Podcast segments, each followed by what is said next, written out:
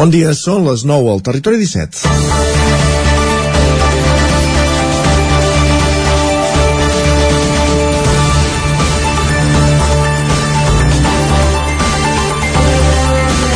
El Tribunal Superior de Justícia de Catalunya ordena aplicar el 25% de castellà a totes les escoles d'aquí a 15 dies. Una anomalia més d'aquest estat en què una sentència passa per sobre de qualsevol política. Amb aquesta sentència, el TSJ vol donar resposta a una pretesa tesi que el castellà està en inferioritat a Catalunya i que un nen castellano-parlant no té les mateixes oportunitats que un catalano-parlant. Arguments fàcils de rebatre. Aquesta sentència més aviat segueix la doctrina d'aquell ministre d'Educació que des del mateix Congrés de Diputats parlava de espanyolitzar a los niños catalanes.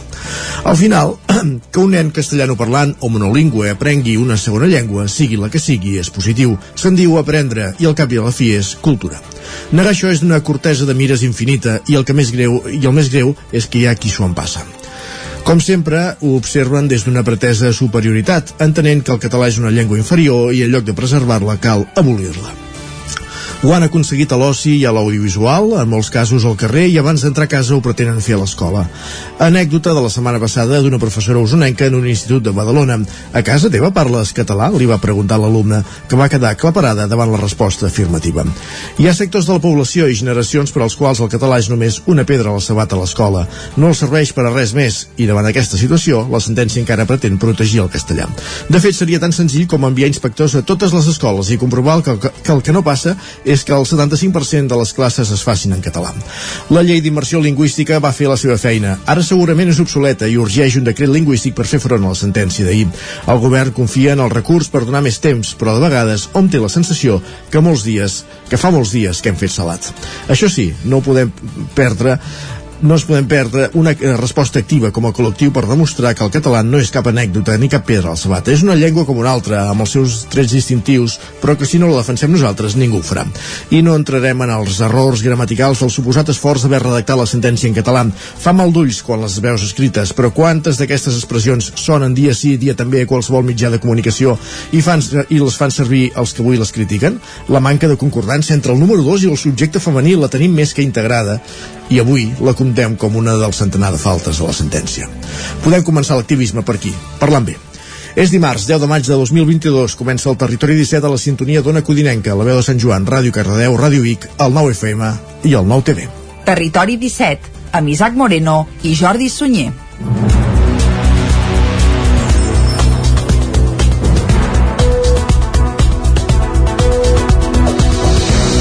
Passen 3 minutets de les 9 del matí d'avui dimarts, dia 10 de maig de 2022 i arrenca ara mateix un nou Territori 17 que avui, com sempre, durant la primera hora us acostarà tota l'actualitat de les nostres comarques. A partir de les 10 actualitzarem butlletins informatius i tot seguit anirem cap a l'entrevista. Avui, Isaac, des d'on? Avui anem fins a Roda de Ter per parlar del festival Encantat que se celebra aquest proper cap de setmana. En parlarem amb un dels seus organitzadors, el tècnic de cultura de l'Ajuntament de Roda, Jaume Salés.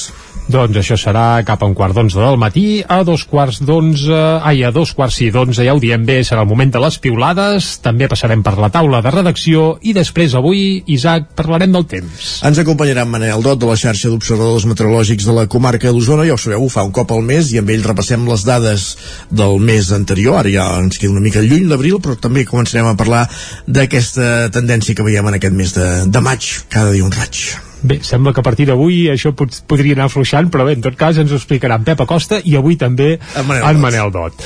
Més coses, cap a les 11 actualitzarem de nou butlletins informatius i després, com que és dimarts, ens tocarà parlar d'economia. Amb en Joan Carles Arredondo, ja ho sabeu, el cap d'economia del 9-9 del Vallès Oriental i parlarem de, de les dades del PIB per càpita, de la situació econòmica de l'estat espanyol, bàsicament. Molt bé, i a la darrera mitja hora de programa, com cada dia, dos quarts de dotze, pujarem a la R3, a la Trenc d'Alba, i avui acabarem ho fem des de Setmana Santa els dimarts amb el Territori Dona.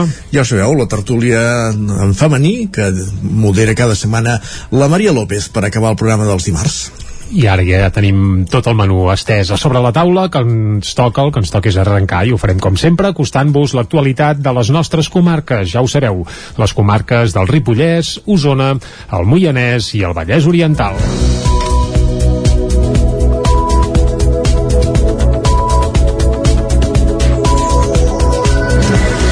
Us expliquem a aquesta hora que Remei Review demana a l'Ajuntament de Vic que aturi les obres que estan a punt de començar a la plaça de la Noguera per construir-hi blocs de pisos. L'any 2011 l'Ajuntament va arribar a un acord amb els propietaris perquè el solar fos d'ús públic mentre no s'hi edifiqués. Remei Review reivindica l'espai pel barri i considera que hi ha hagut opacitat i manca de voluntat negociadora per part de l'Ajuntament. En una roda de premsa feta diumenge al migdia a la mateixa plaça de la Noguera, on hi ha delimitat ja un espai que ocuparan els edificis que s'hi han de construir, Remei Review exigia a l'Ajuntament de Vic que aturi l'edificació. La plaça, ubicada en uns terrenys privats, ha funcionat com a tal des del 2011 per la sessió temporal per a ús públic que en va fer els propietaris mentre no s'hi edifiqués.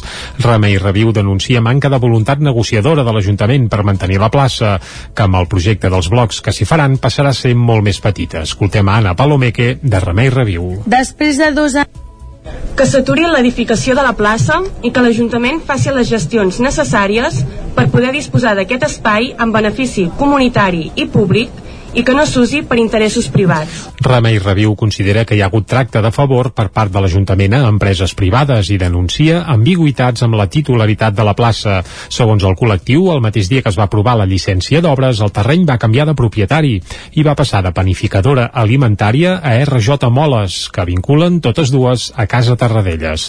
Remei Reviu tampoc comparteix que als baixos de les noves edificacions s'hi instal·li la Universitat de Vic, que té previst traslladar-hi la seu del sud de Vic i ubicar-hi també el Centre de Recerca en Educació, la coordinadora del voluntariat d'Osona i part del Centre d'Estudis Sanitaris i Socials. Escoltem per aquest ordre a Carles Alfonso Cols i a Marc Canyelles.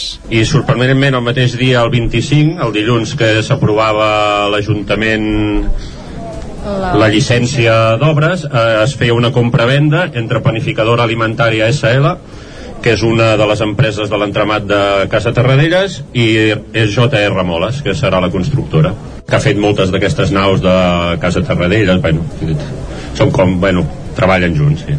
Vull sabent de la manca d'espais d'ús públic del barri i en el procés de recerca d'un espai de referència pel veïnat l'Ajuntament no és capaç ni de mediar per aconseguir que els baixos de l'edificació siguin d'ús comunitari.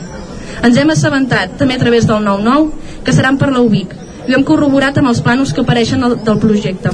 Remei Reviu considera que l'Ajuntament de Vic hauria pogut expropiar la plaça de la Noguera.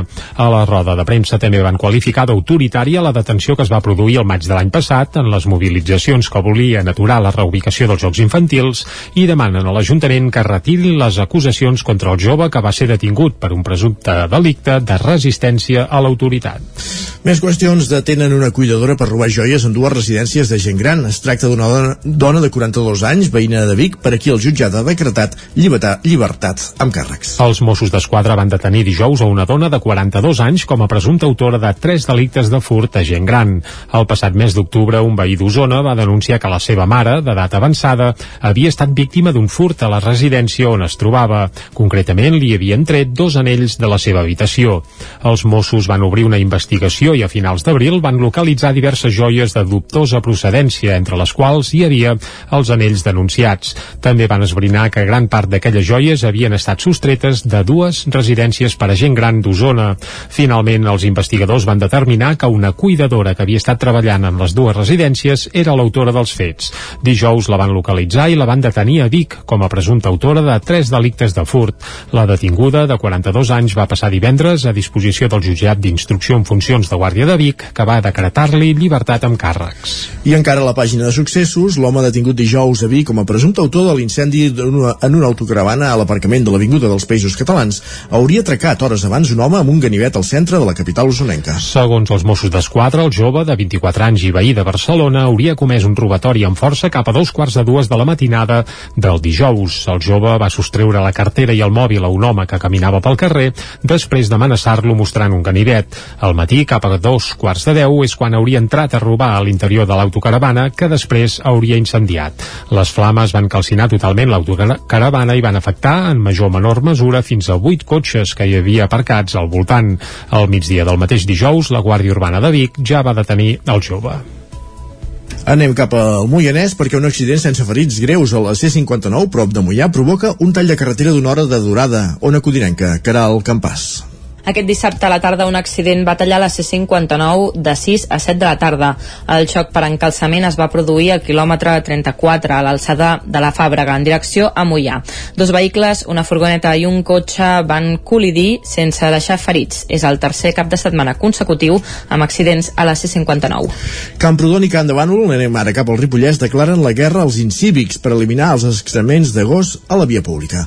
Isaac Muntades, la veu de Sant Joan. Els excrements de gos continuen sent un problema a municipis com Camp de Bànol o Camprodon. El regidor de Més Camprodon Esquerra Republicana de Catalunya, Moisès Solà, va alertar que amb l'arribada del bon temps la gent surt més als espais públics i les zones enjardinades on passegen els gossos estan farcides de caques. Solà era conscient que la millor actuació és denunciar l'acció al moment, és a dir, quan s'enganxa el propietari incívic que no recull la femta del terra, però que moltes vegades no és possible. Per això la DIL Republicà va demanar a l'Ajuntament que desplegués accions en l'àmbit informatiu o sancionador per acabar amb la problemàtica. L'alcalde de Tots per Camprodon, Xavier Guitart, va reconèixer que s'havia detectat l'augment dels excrements perquè els veïns així ho havien manifestat i que ja s'havien iniciat algunes actuacions. Ah, sí que es faran unes actuacions que ja s'han carregat el tema de cartelleria, en diferents llocs on hi hem detectat molta afluència d'això. Aquest tema ja està encarregat i vull dir, quan arribin es col·locaran aquests cartells. Ah, sí que és cert que agafo el teu prec del tema d'intentar comunicar i, i el tema de les sancions també en soc partidari, ja saps que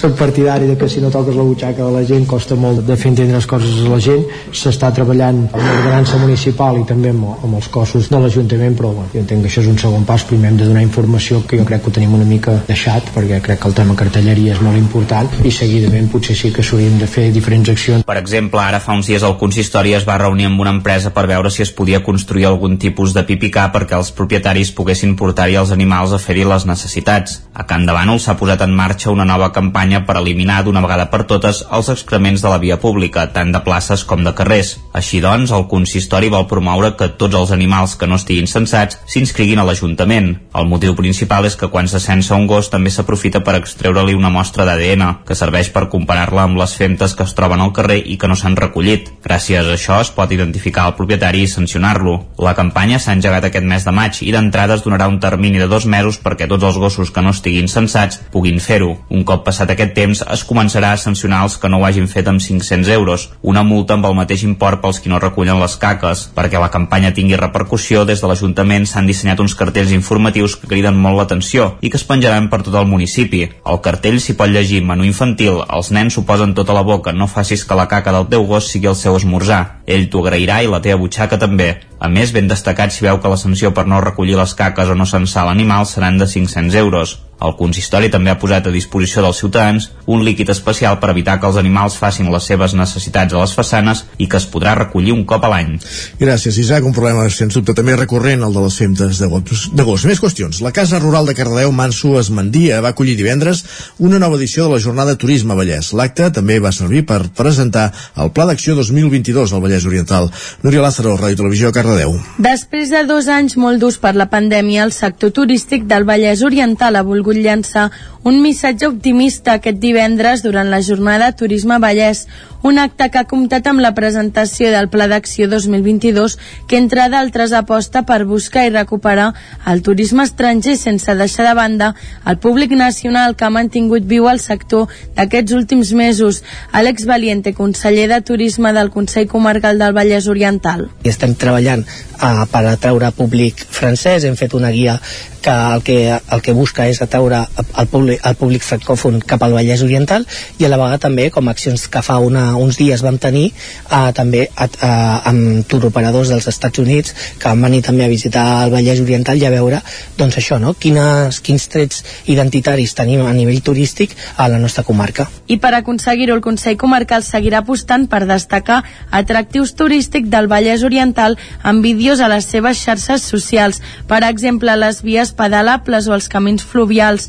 L'acte també ha servit per entregar 32 diplomes a la xarxa de punts d'informació turística i 48 distintius Biosfer a empreses i ens públics que aposten pel turisme sostenible. Àlex Valiente. Fem una crida perquè les empreses del sector turístic actualment parlar de sector turístic és parlar de moltíssimes coses. El, el turisme és molt transversal. Per tant, volem que moltes empreses, moltes empreses del sector, del sector turístic eh, s'adhereixin a aquest compromís Biosphere perquè entenem que aquest compromís Biosphere ha de ser un punter per, per atraure públic a la nostra comarca. La jornada ha reunit una cinquantena de professionals d'empreses, associacions i ens del sector turístic de la comarca.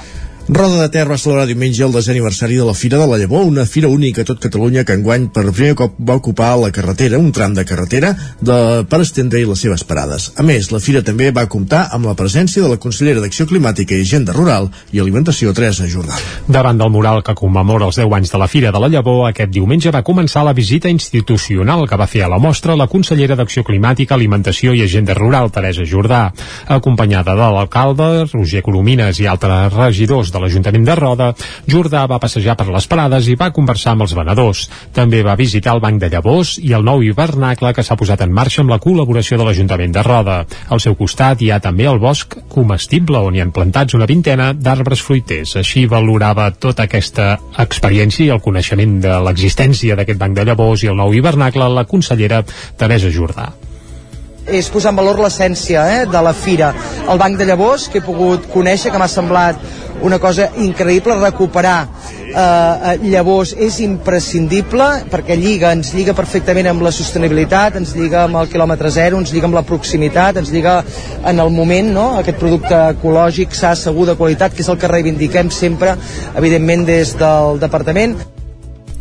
La fira va comptar amb una trentena de parades. L'alcalde, Roger Coromines, recordava que l'embrió no només de la fira, sinó de la recuperació de l'entorn de la muntanyeta va ser en una plantada d'arbres i l'habilitació d'uns horts socials en aquest sector. L'escoltem. La muntanyeta hi passem diàriament als rodencs i rodenques quan el veiem i per tant eh, el 2012 el que vam voler és que, que els rodencs veiessin aquest espai i per tant vam començar a gestar aquest parc de la muntanyeta, vam començar amb uns horts socials el 2012, la fira el 2013, per tant estem al 2022, desena edició, plenament consolidat aquesta proposta, una proposta singular, amb valors i, i que per tant avui ho veiem, és a dir, amb aquesta concurrència, amb una trentena de parades absolutament consolidada ja en el, en el, en el mapa, ja no tan sols usonenc sinó català, una de les grans novetats de la desena edició de la Fira de la Llavor va ser la disposició de les parades que van ocupar un tram de la carretera just a sota la muntanyeta, de manera que el trànsit es desviava per dins del polígon del Puigvell. Organitzadors i Ajuntament valoraran si aquesta iniciativa es manté de cara a properes edicions.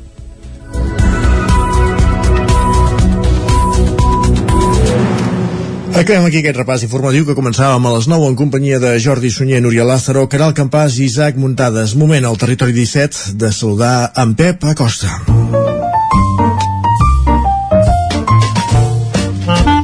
Casa Terradellos us ofereix el temps. Doncs va, és el moment de saber la previsió meteorològica. Hi haurà tempestes avui. Eh, ahir se'n va escapar alguna encara, eh? Ens ho comentarà en Pep Acosta. Va, Pep, bon dia. Hola, molt bon dia. Bé, molt bona hora. Benvinguts a la informació meteorològica. Què tal esteu? Espero Bé, que bé. I tant. Uh, van passant els dies, el maig va passant i s'acosten ja els dies uh, amb més hores de llum, vaig insistir en aquest, en aquest factor, i s'acosten els dies uh, ja més càlids de l'any. Uh -huh. Ahir vam tenir una tempesta a la tarda, poca cosa, les més actives eh, es van produir a prop de casa nostra, però va ser cap a la, la Garrotxa i la Selva. Nosaltres, tempestes de menys de 5 litres en general, i unes temperatures que van pujant, la majoria màxima seria entre els 20 i els 25 graus. I avui serà un temps molt semblant al d'ahir, però amb alguns matisos, que ara mateix explicaré. Vinga, va, anem-hi. Per començar, les temperatures mínimes són molt semblants als d'ahir, això sí, molt semblants. Uh, per sobre els 10 graus ha el peritoral, entre els 5 i els 10 cap a Osona i Mollanès, i només per sota dels 5 a les cotes més altes del Pirineu. I avui, pel que fa a l'estat del cel, serà un dia molt semblant al d'ahir, molt de sol fins al migdia, molt de sol, gairebé cap núvol, i a partir del migdia creixement de nuvolades. Les nuvolades seran més actives, o sigui que seran més força, cap a la zona del Pirineu. Uh, en principi sense precipitació. Si en deixen algunes seran quatre gotes a la zona Ter i zones pròximes. Molt poca cosa. Les temperatures màximes pujaran. Ahir eh, la majoria entre els 20 i els 23-24 graus. Avui ja la majoria entre els 23 i els 26-27. Uh, per tant, més calor, més calor de cada migdia. I un altre matís important és que els vents bufaran de direcció sud una mica moderat, sobretot al migdia i cap a la zona prelitoral bufaran una mica moderats. Eh, hi ha una petita entrada de vents de sud que farà que les temperatures vagin pujant al llarg de tota la setmana i que les tempestes siguin molt residuals i molt poc importants, almenys fins dijous o fins divendres. És el temps que ens tocarà aquesta setmana. I moltes gràcies, això és tot. Adeu. Adéu, bon dia. Exacte, adéu, bon dia. Ja el tenim a Sant Feliu de Codines avui, eh? Segur? Que ja el teníem exiliat. Estic a Palomares del Río. A Palomares del Río el teníem ahir. No, no, ha tornat, ha tornat. Ben tornat, Pep, va. I nosaltres ara anirem cap al quiosc. Doncs va, som-hi, sense més preàmbuls. Vinga. Casa Tarradellas us ha ofert aquest espai. I als quioscs ens hi trobem diaris, com els que repassem tot seguit. Comencem pel punt avui? Comencem pel punt avui. Titular principal, ordre, obrim cometes, aberrant. Evidentment fa referència tot plegat a la resolució del Tribunal Superior de Justícia de Catalunya d'aplicar el 25% de castellà, que es va conèixer ahir. Uh, bé, també cal reconèixer que no va ser cap sorpresa aquesta, aquesta resolució, perquè ja es veia venir, eh? però vaja. El Tribunal dona 15 dies de marge i vol un seguiment als centres. Els sindicats insten a González Cambrai, que és el conseller, a no acatar i anuncien mobilitzacions. És a dir, a part de les que hi havia anunciades precisament amb la polèmica i l'entesa amb el conseller, vinculades a l'avançament del calendari, a d'altres històries, doncs ara, a més a més, eh, si no vols caldo, doncs dues tasses. La fotografia va, és per Putin, per això ahir va haver una gran desfilada militar pels carrers de Moscou i diu Putin amb poc de què presumir, justifica una guerra que s'allarga per repel·lir un suposat atac de l'OTAN. Això apunten a la portada del punt avui, on també eh, hi apareix que un 30% de rebaixa en els graus universitaris més cars. Això s'aplicaria a partir del curs vinent i també càmeres de vídeo per a la Guàrdia Urbana de Barcelona. Hi ha altres policies municipals, entre elles alguna d'Osona, que ja les té aquestes càmeres, sí. i ara sembla que també s'implantarien Sí, a la Guàrdia Urbana de Barcelona. Anem cap a l'ara, va. Titular principal, el TCJ eh, dona 15 dies per implantar el 25% de castellà a l'escola.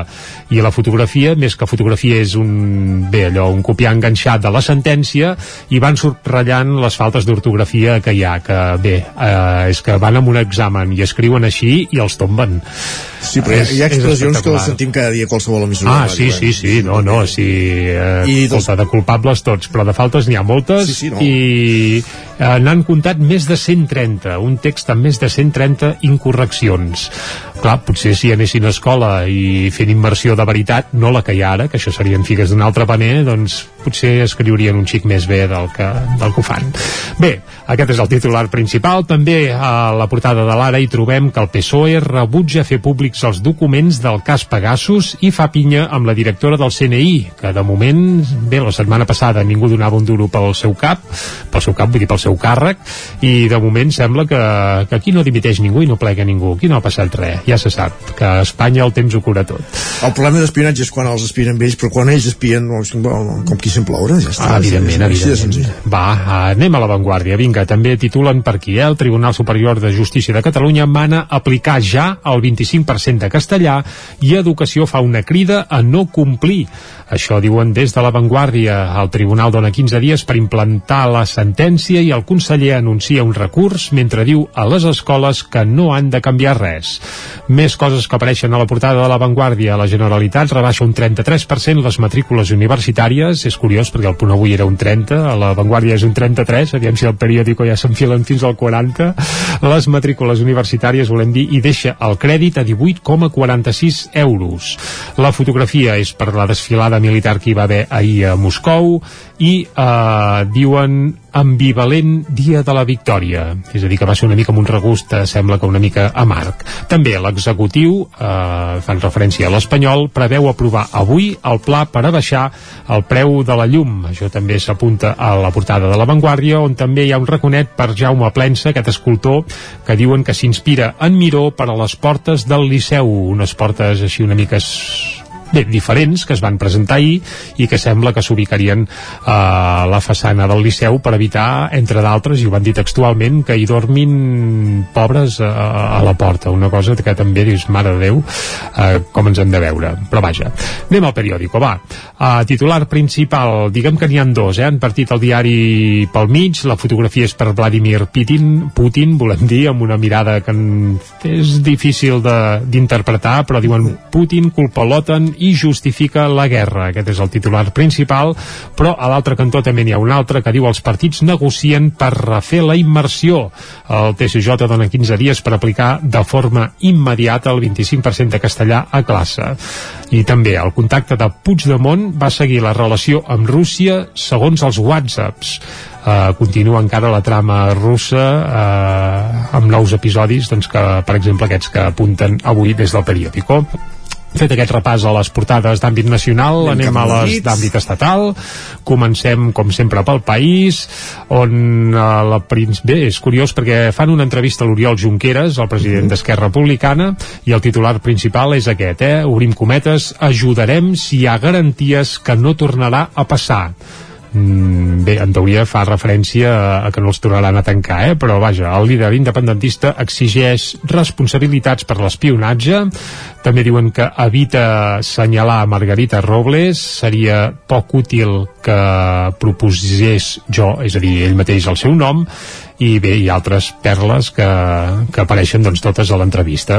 La fotografia no és per Junqueras, sinó és que és per Putin, i diuen Putin no aconsegueix exhibir triomfs en el dia de la victòria. Fa referència, evidentment, a, a la desfilada d'ahir. També el govern aprovarà la, la baixada del preu de la llum si rep el sí de la Unió Europea, que sembla, ells ja havien venut que el tenien, però sembla que encara, que encara no era 100% oficial. Més portades, El Mundo. La Moncloa espera un informe del CNI que avali el cessament de la seva directora, doncs que vagi esperant.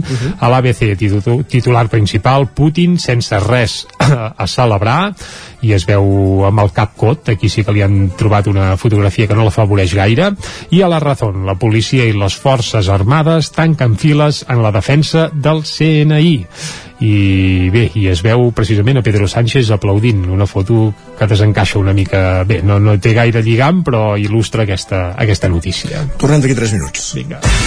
El nou FM, la ràdio de casa, al 92.8. Cobertes serveis funeraris. Els nostres tanatoris estan ubicats en els nuclis urbans més poblats de la comarca d'Osona per oferir un millor servei. Tanatori de Vic, Tanatori de Manlleu, Tanatori de Centelles i Tanatori de Roda de Ter. Sabem que són moments difícils i per això el nostre compromís és atendre-us en tot moment amb un tracte humà, sensible i respectuós. Cobertes serveis funeraris. Telèfon 24 hores 93 883 23 46. A El racó de León ja és primavera.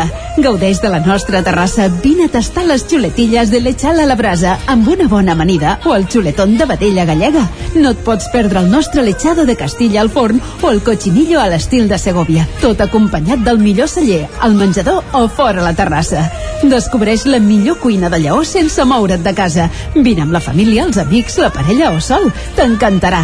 El racó de León, cuina tradicional lleonesa i de mercat. Som al carrer Torelló número 35 de Vic. Per reserves, telèfon 93 889 1950. El racó de León, una cuina diferent. Aquest mes de maig viu la cultura i la literatura a Folgueroles, al poble natal de Verdaguer. Del 13 de maig al 12 de juny, la Festa Verdaguer et porta conferències, rutes literàries, xerrades, concerts i actes populars d'homenatge al poeta. No et perdis Arnau Tordera amb el juglar a l'església de Folgueroles, la primera mostra de glosa o el tradicional arbre de maig i els ballets i danses tradicionals. Consulta tots els actes a verdaguer.cat. A la Clínica Dental Sant Fortià hi trobareu un equip professional que treballa de manera coordinada per oferir un tracte sensible i humà. Estem preparats per qualsevol urgència dental i oferim accions preventives per la tercera edat i els infants. El doctor Ramon Garcia, implantòleg de Barcelona, fa 10 anys que visita Torelló. Clínica Dental Sant Fortià.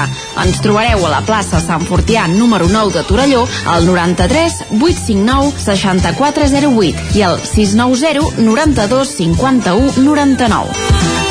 Cocodril Club. Si t'agrada la bona música dels anys 60, 70 i 80, escolta el 9 FM els matins de dissabtes i diumenges d'11 a 1. És el temps del Cocodril Club, tot un clàssic de la ràdio, amb les bases del pop-rock, les llegendes, les cançons que s'han convertit en autèntics himnes. Recorda, dissabtes i diumenges al matí, d'11 a 1, al 9 FM 92.8. Cocodril Club, el programa revival de l'Albert Malla. Hasta luego, cocodrilo. El 9 FM.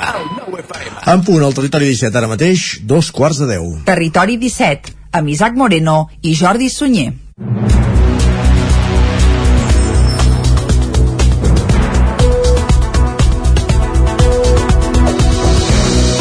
I a dos quarts de deu d'avui dimarts, dia 10 de maig de 2022, de seguida el que farem és acostar-vos de nou tota l'actualitat de les nostres comarques. Abans, però, ja us avancem una mica tot el que tindrem fins al punt de les 12 del migdia. Abans de les 10, com sempre, hi posarem música i avui, Isaac, com que aquesta setmana resulta que fan allò d'Eurovisió, et sona? Em sona, em sona. Uh, val, es veu que ho fan dissabte i jo em capbusso més, jo estic més per eufòria que per Eurovisió, eh? I, uh, i ja està, cadascú seu. Sí, per això, sí, diguem que seria compatible. Però vaja, El que, no és, amb el que no és compatible és amb el concert del Petit de Calaril, per exemple, el Festival Encantat de Roda. Ah, en parlarem, en parlarem del Festival Encanta, uh, un festival molt aconsellable de música, bé, anava a dir de cançó d'autor, que arriba a la cinquena edició, oi que sí, ja? Correcte. Doncs vinga, aviat és dit, i a l'entrevista d'avui en coneixerem més detalls. I una de les veus que podria actuar a l'Encanta, però no hi actuarà, és la que escoltarem una mica abans de les 10. Però hi té lligam amb l'Eurovisió, perquè resulta que aquesta noia de Centelles, Carai. en una de les peces del seu nou disc, que es va publicar, per cert, divendres passat, canta amb el Salvador Sobral.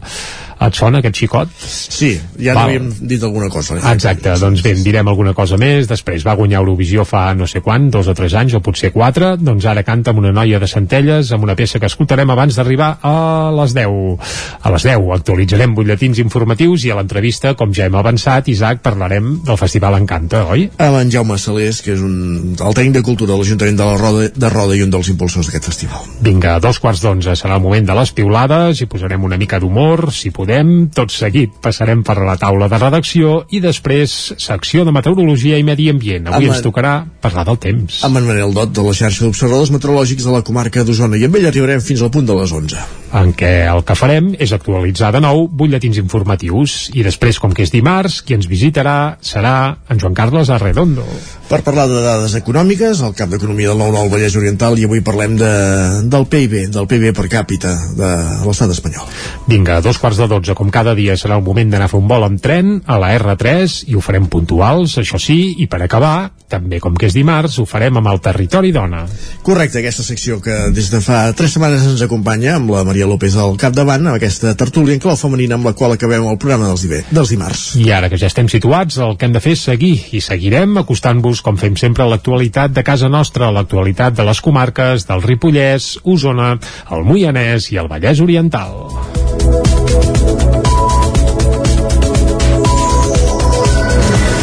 I us expliquem a aquesta hora que Remei Review demana a l'Ajuntament de Vic que aturi les obres que estan a punt de començar a la plaça de la Noguera per construir-hi blocs de pisos.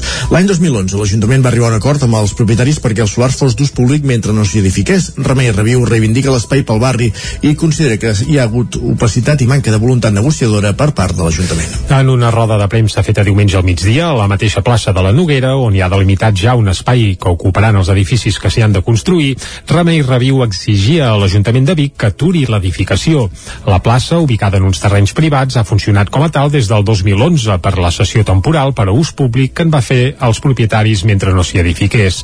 Remei Reviu denuncia manca de voluntat negociadora de l'Ajuntament per mantenir la plaça, que amb el projecte dels blocs que s'hi faran passarà a ser molt més petita. Escoltem a Anna Palomeque, de Remei Reviu. Després de dos anys que s'aturi l'edificació de la plaça i que l'Ajuntament faci les gestions necessàries per poder disposar d'aquest espai en benefici comunitari i públic i que no s'usi per interessos privats. Remei Reviu considera que hi ha hagut tracte de favor per part de l'Ajuntament a empreses privades i denuncia ambigüitats amb la titularitat de la plaça.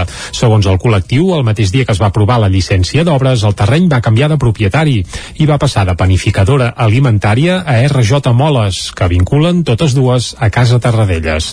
Remei Reviu tampoc comparteix que als baixos de les noves edificacions s'hi instal·li la Universitat de Vic, que té previst traslladar-hi la seu del sud de Vic i ubicar-hi també el Centre de Recerca en Educació, la coordinadora del voluntariat d'Osona i part del Centre d'Estudis Sanitaris i Socials. Escoltem per aquest ordre a Carles Alfonso Cols i a Marc Canyelles. I sorprenentment el mateix dia, el 25, el dilluns que s'aprovava l'Ajuntament la... la llicència d'obres, eh, es feia una compra-venda entre Panificadora Alimentària SL que és una de les empreses de l'entramat de Casa Terradellas i és JR Moles, que serà la constructora que ha fet moltes d'aquestes naus de Casa Terradellas bueno, són com, bueno, treballen junts sí. Voi sabent de la manca d'espais d'ús públic del barri i en el procés de recerca d'un espai de referència pel veïnat, l'Ajuntament no és capaç ni de mediar per aconseguir que els baixos de l'edificació siguin d'ús comunitari. Ens hem assabentat, també a través del 9-9, que seran per la UBIC, i hem corroborat amb els planos que apareixen del, del projecte. Remei Reviu considera que l'Ajuntament de Vic hauria pogut expropiar la plaça de la Noguera. A la roda de premsa també van qualificar d'autoritària la detenció que es va produir el maig de l'any passat en les mobilitzacions que volien aturar la reubicació dels Jocs Infantils i demanen a l'Ajuntament que retiri les acusacions contra el jove que va ser detingut per un presumpte delicte de resistència a l'autoritat. Més qüestions detenen una cuidadora per robar joies en dues residències de gent gran. Es tracta d'una dona, dona de 42 anys, veïna de Vic, per aquí el jutjat ha decretat llibertat, llibertat amb càrrecs. Els Mossos d'Esquadra van detenir dijous a una dona de 42 anys com a presumpta autora de tres delictes de furt a gent gran. El passat mes d'octubre, un veí d'Osona va denunciar que la seva mare, d'edat avançada, havia estat víctima d'un furt a la residència on es trobava. Concretament, li havien tret dos anells de la seva habitació. Els Mossos van obrir una investigació i a finals d'abril van localitzar diverses joies de dubtosa procedència, entre les quals hi havia els anells denunciats. També van esbrinar que gran part d'aquelles joies havien estat sostretes de dues residències per a gent gran d'Osona. Finalment, els investigadors van determinar que una cuidadora que havia estat treballant en les dues residències era l'autora dels fets. Dijous la van localitzar i la van detenir a Vic com a presumpta autora de tres delictes de furt. La detinguda, de 42 anys, va passar divendres a disposició del jutjat d'instrucció en funcions de Guàrdia de Vic, que va decretar-li llibertat amb càrrecs. I encara a la pàgina de successos, l'home detingut dijous a Vic com a presumpte autor de l'incendi en una autocaravana a l'aparcament de l'Avinguda dels Països Catalans hauria atracat hores abans un home amb un ganivet al centre de la capital usonenca. Segons els Mossos d'Esquadra, el jove de 24 anys i veí de Barcelona hauria comès un robatori amb força cap a dos quarts de dues de la matinada del dijous. El jove va sostreure la cartera i el mòbil a un home que caminava pel carrer després d'amenaçar-lo mostrant un ganivet. Al matí, cap a dos quarts de deu, és quan hauria entrat a robar a l'interior de l'autocaravana que després hauria incendiat. Les flames van calcinar totalment l'autocaravana i van afectar en major o menor mesura fins a 8 cotxes que hi havia aparcats al voltant. Al migdia del mateix dijous, la Guàrdia Urbana de Vic ja va detenir el jove. Anem cap al Moianès perquè un accident sense ferits greus a la C-59 prop de Moià provoca un tall de carretera d'una hora de durada. Ona Codinenca, que era el campàs. Aquest dissabte a la tarda un accident va tallar la C-59 de 6 a 7 de la tarda. El xoc per encalçament es va produir al quilòmetre 34 a l'alçada de la Fàbrega en direcció a Mollà. Dos vehicles, una furgoneta i un cotxe van col·lidir sense deixar ferits. És el tercer cap de setmana consecutiu amb accidents a la C-59. Camprodon i Can de Bànol, anem ara cap al Ripollès, declaren la guerra als incívics per eliminar els excrements de gos a la via pública.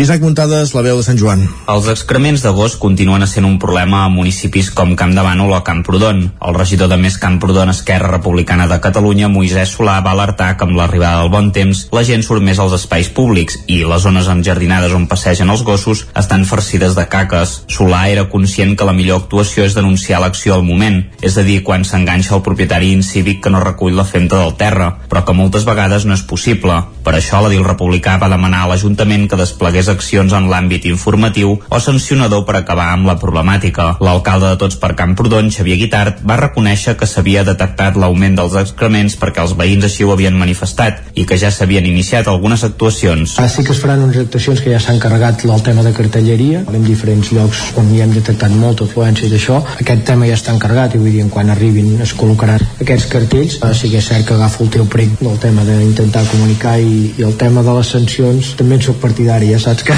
soc partidari de que si no toques la butxaca de la gent costa molt de fer entendre les coses a la gent s'està treballant amb l'ordenança municipal i també amb, amb els cossos de l'Ajuntament però bueno, jo entenc que això és un segon pas primer hem de donar informació que jo crec que ho tenim una mica deixat perquè crec que el tema cartelleria és molt important i seguidament potser sí que s'haurien de fer diferents accions. Per exemple, ara fa uns dies el consistori es va reunir amb una empresa per veure si es podia construir algun tipus de pipicà perquè els propietaris poguessin portar-hi els animals a fer-hi les necessitats. A Can de s'ha posat en marxa una nova campanya per eliminar d'una vegada per totes els excrements de la via pública, tant de places com de carrers. Així doncs, el consistori vol promoure que tots els animals que no estiguin censats s'inscriguin a l'Ajuntament. El motiu principal és que quan se censa un gos també s'aprofita per extreure-li una mostra d'ADN, que serveix per comparar-la amb les femtes que es troben al carrer i que no s'han recollit. Gràcies a això es pot identificar el propietari i sancionar-lo. La campanya s'ha engegat aquest mes de maig i d'entrada es donarà un termini de dos mesos perquè tots els gossos que no estiguin censats puguin fer-ho. Un cop passat aquest temps es començarà a sancionar els que no ho hagin fet amb 500 euros, una multa amb el mateix import pels qui no recullen les caques. Perquè la campanya tingui repercussió, des de l'Ajuntament s'han dissenyat uns cartells informatius que criden molt l'atenció i que es penjaran per tot el municipi. Al cartell s'hi pot llegir menú infantil, els nens s'ho posen tota la boca, no facis que la caca del teu gos sigui el seu esmorzar. Ell t'ho agrairà i la teva butxaca també.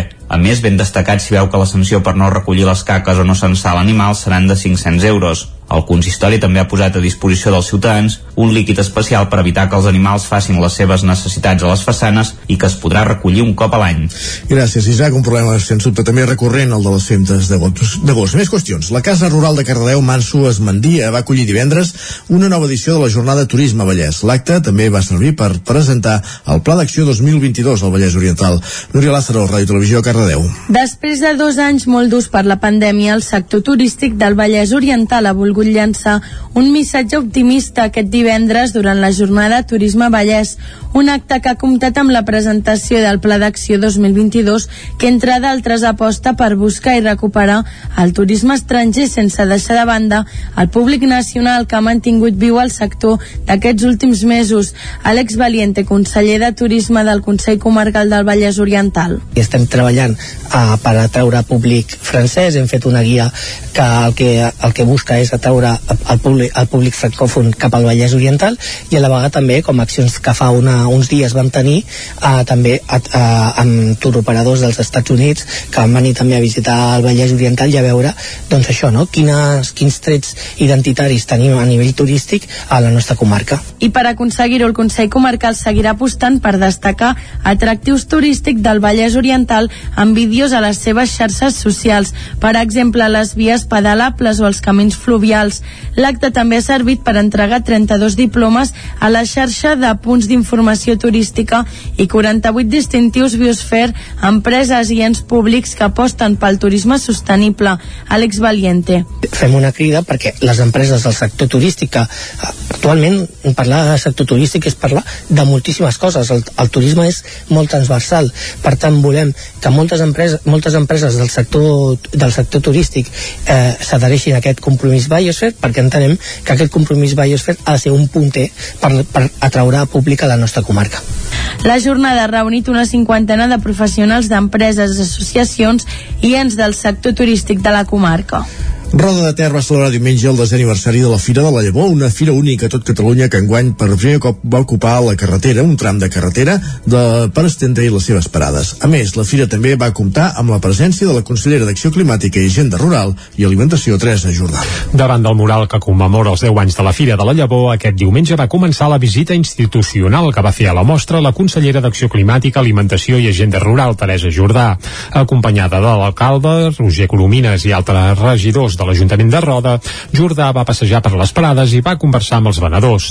També va visitar el Banc de Llavors i el nou hivernacle que s'ha posat en marxa amb la col·laboració de l'Ajuntament de Roda. Al seu costat hi ha també el bosc comestible on hi han plantats una vintena d'arbres fruiters. Així valorava tota aquesta experiència i el coneixement de l'existència d'aquest Banc de Llavors i el nou hivernacle la consellera Teresa Jordà és posar en valor l'essència eh, de la fira. El banc de llavors, que he pogut conèixer, que m'ha semblat una cosa increïble, recuperar eh, eh, llavors és imprescindible perquè lliga, ens lliga perfectament amb la sostenibilitat, ens lliga amb el quilòmetre zero, ens lliga amb la proximitat, ens lliga en el moment, no?, aquest producte ecològic, sa, segur, de qualitat, que és el que reivindiquem sempre, evidentment, des del departament. La fira va comptar amb una trentena de parades. L'alcalde, Roger Coromines, recordava que l'embrió no només de la fira, sinó de la recuperació de l'entorn de la muntanyeta va ser en una plantada d'arbres i l'habilitació d'uns horts socials en aquest sector. L'escoltem. La muntanyeta hi passem diàriament als rodencs i rodenques però no el veiem i per tant eh, el 2012 el que vam voler és que, que els rodencs veiessin aquest espai i per tant vam començar a gestar aquest parc de la muntanyeta, vam començar amb uns horts socials el 2012, la fira el 2013, per tant estem al 2022, desena edició, plenament consolidat aquesta proposta, una proposta singular, amb valors i, i que per tant avui ho veiem, és a dir, amb aquesta concurrència, amb una trentena de parades absolutament consolidada ja en el, en el, en el mapa, ja no tan sols usonenc sinó català, una de les grans novetats de la desena edició de la Fira de la Llavor va ser la disposició de les parades que van ocupar un tram de la carretera just a sota la muntanyeta, de manera que el trànsit es desviava per dins del polígon del Puigvell. Organitzadors i Ajuntament valoraran si aquesta iniciativa es manté de cara a properes edicions.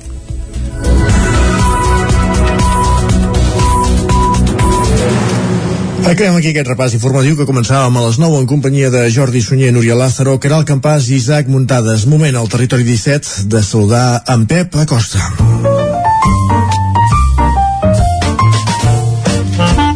Casa Terradellos us ofereix el temps. Doncs va, és el moment de saber la previsió meteorològica. Hi haurà tempestes avui, eh, ahir se'n va escapar alguna encara, eh? Ens ho comentarà en Pep Acosta. Va, Pep, bon dia. Hola, molt bon dia. Sí, molt bona hora. Benvinguts a la informació meteorològica. Què tal esteu? Espero Bé, que bé. I tant. Uh, van passant els dies, el maig va passant i s'acosten ja els dies uh, amb més hores de llum, vaig insistir en aquest, en aquest factor, i s'acosten els dies uh, ja més càlids de l'any. Uh -huh. Ahir vam tenir una tempesta a la tarda, poca cosa, les més actives eh, es van produir a prop de casa nostra, però va ser cap a la, la Garrotxa i la Selva. Nosaltres, tempestes de menys de 5 litres en general, i unes temperatures que van pujant, la majoria màximes ahir entre els 20 i els 25 graus. I avui serà un temps molt semblant al d'ahir, però amb alguns matisos, que ara mateix explicaré. Vinga, va, anem-hi. Per començar, les temperatures mínimes són molt semblants als d'ahir, això sí, molt semblants. Uh, per sobre els 10 graus ha el peritoral, entre els 5 i els 10 cap a Osona i el Moianès, i només per sota dels 5 a les cotes més altes del Pirineu. I avui, pel que fa a l'estat del cel, serà un dia molt semblant al d'ahir, molt de sol fins al migdia, molt de sol, gaire cap núvol, i a partir del migdia, creixement de nuvolades les nuvolades seran més actives, o sigui que seran més força cap a la zona del Pirineu. Uh, en principi sense precipitació. Si en deixen algunes seran quatre gotes a la zona d'Ui de Ter i zones pròximes. Molt poca cosa. Les temperatures màximes pujaran. Ahir a la majoria entre els 20 i els 23-24 graus. Avui ja la majoria entre els 23 i els 26-27. Uh, per tant, més calor, més calor de cada migdia. I un altre mateix important és que els vents bufaran de direcció sud una mica moderats, sobretot al migdia i cap a la zona prelitoral bufaran una mica moderats. Eh, hi ha una petita entrada de vents de sud que farà que les temperatures vagin pujant al llarg de tota la setmana i que les tempestes siguin molt residuals i molt poc importants, almenys fins dijous o fins divendres. És el temps que ens tocarà aquesta setmana. I moltes gràcies, això és tot. Adeu. Adéu, bon dia. Exacte, adéu, bon dia. Ja el tenim a Sant Feliu de Codines avui, eh? Segur? Que ahir el teníem exiliat. Estic a Palomares del Río. A, a Palomares del Río el teníem ahir. No, no, ha tornat, ha tornat. Ben tornat, Pep, va. I nosaltres ara anirem cap al quiosc. Doncs va, som-hi, sense més preàmbuls. Vinga. Casa Tarradellas us ha ofert aquest espai. I als quioscs ens hi trobem diaris, com els que repassem tot seguit. Comencem pel punt avui? Comencem pel punt avui. Titular principal, ordre, obrim cometes, aberrant. Evidentment fa referència tot plegat a la resolució del Tribunal Superior de Justícia de Catalunya d'aplicar el 25% de castellà, que es va conèixer ahir. Uh, bé, també cal reconèixer que no va ser cap sorpresa aquesta, aquesta resolució, perquè ja es veia venir, eh? però vaja.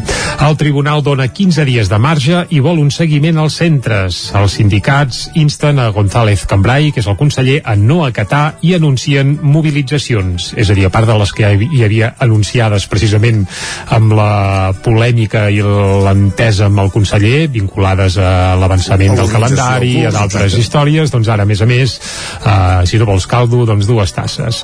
La fotografia va, és per Putin, per això ahir va haver una gran desfilada militar pels carrers de Moscou i diu Putin amb poc de què presumir, justifica una guerra que s'allarga per repel·lir un suposat atac de l'OTAN. Això apunten a la portada del punt avui, on també eh, hi apareix que un 30% de rebaixa en els graus universitaris més cars. Això s'aplicaria a partir del curs vinent i també càmeres de vídeo per a la Guàrdia Urbana de Barcelona i altres policies municipals, entre elles alguna d'Osona, que ja les té aquestes càmeres sí. i ara sembla que també s'implantarien Sí, veritat. a la Guàrdia Urbana de Barcelona.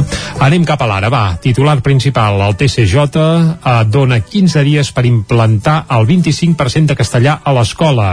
I la fotografia, més que fotografia, és un, bé, allò, un copiar enganxat de la sentència i van subratllant les faltes d'ortografia que hi ha, que bé, eh, és que van amb un examen i escriuen així i els tomben.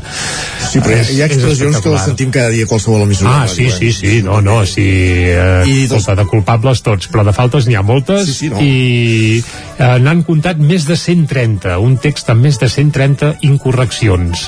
Clar, potser si anessin a escola i fent immersió de veritat, no la que hi ha ara, que això serien figues d'un altre paner, doncs potser escriurien un xic més bé del que, del que ho fan. Bé, aquest és el titular principal. També a la portada de l'Ara hi trobem que el PSOE rebutja fer públics els documents del cas Pegasus i fa pinya amb la directora del CNI, que de moment, bé, la setmana passada ningú donava un duro pel seu cap, pel seu cap, vull dir, pel seu càrrec, i de moment sembla que, que aquí no dimiteix ningú i no plega ningú, aquí no ha passat res, ja se sap, que a Espanya el temps ho cura tot. El problema d'espionatge és quan els espien ells, però quan ells espien, no, és com, com qui sent ploure, ja està. Ah, evidentment, senzill. evidentment. Va, anem a l'avantguàrdia. Vinga, també titulen per aquí, eh? El Tribunal Superior de Justícia de Catalunya mana aplicar ja el 25% de castellà i Educació fa una crida a no complir. Això diuen des de l'avantguàrdia. El Tribunal dona 15 dies per implantar la sentència i el conseller anuncia un recurs mentre diu a les escoles que no han de canviar res. Més coses que apareixen a la portada de l'avantguàrdia. La Generalitat rebaixa un 33% les matrícules universitàries. És curiós perquè el punt avui era un 30, a l'avantguàrdia és un 33, aviam si el periòdico ja s'enfilen fins al 40. Les matrícules universitàries, volem dir, i deixa el crèdit a 18,46 euros. La fotografia és per la desfilada militar que hi va haver ahir a Moscou i eh, diuen ambivalent dia de la victòria és a dir que va ser una mica amb un regust eh, sembla que una mica amarg també l'executiu eh, fan referència a l'Espanyol preveu aprovar avui el pla per a baixar el preu de la llum. Això també s'apunta a la portada de l'avantguàrdia on també hi ha un raconet per Jaume Plensa aquest escultor que diuen que s'inspira en Miró per a les portes del Liceu. Unes portes així una mica bé, diferents que es van presentar ahir i que sembla que s'ubicarien a la façana del Liceu per evitar, entre d'altres, i ho van dir textualment, que hi dormin pobres a, a la porta. Una cosa que també dius, mare de Déu, eh, com ens hem de veure. Però vaja, anem al periòdico, va.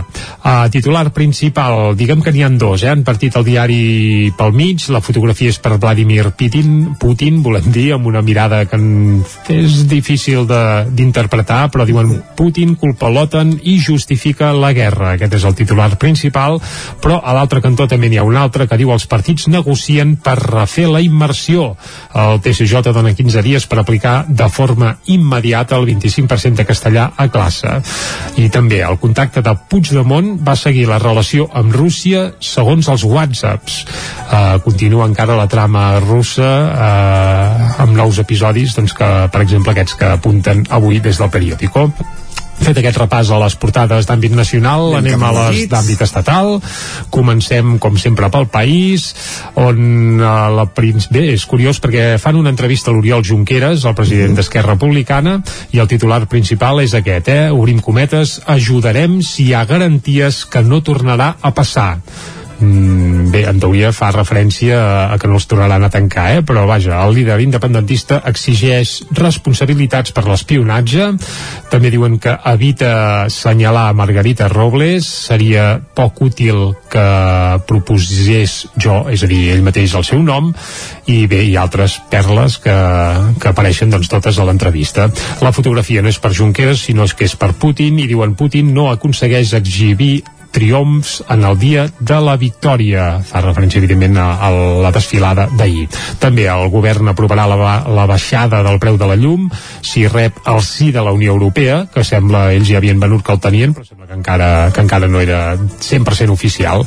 Més portades, El Mundo. La Moncloa espera un informe del CNI que avali el cessament de la seva directora, doncs que vagi esperant. Uh -huh. A l'ABC, titu- titular principal, Putin sense res a, a celebrar, i es veu amb el cap cot, aquí sí que li han trobat una fotografia que no l'afavoreix gaire, i a la Razón, la policia i les forces armades tanquen files en la defensa del CNI.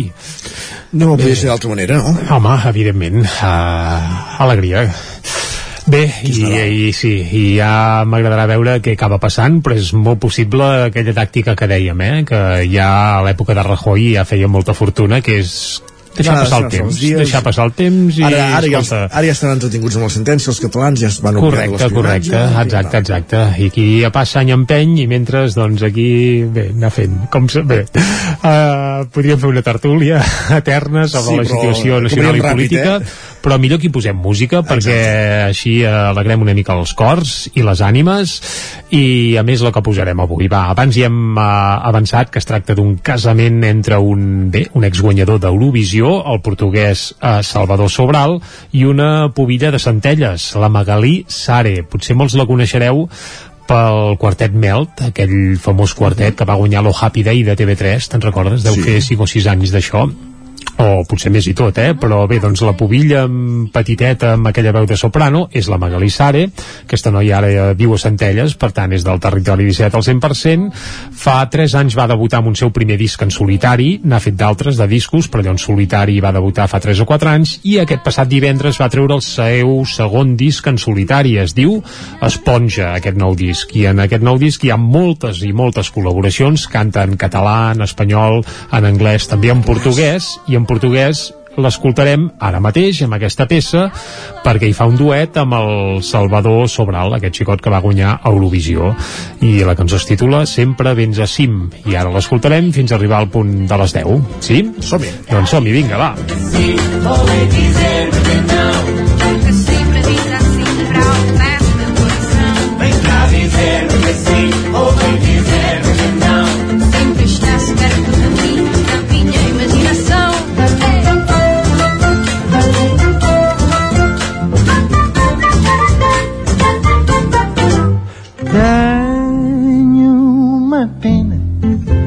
pena que escreve aquilo que eu sempre sinta.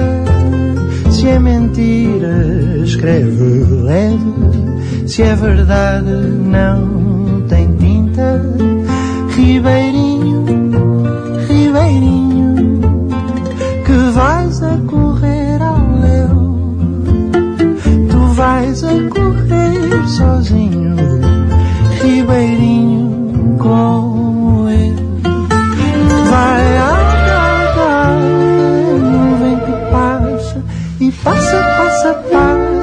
sombra também.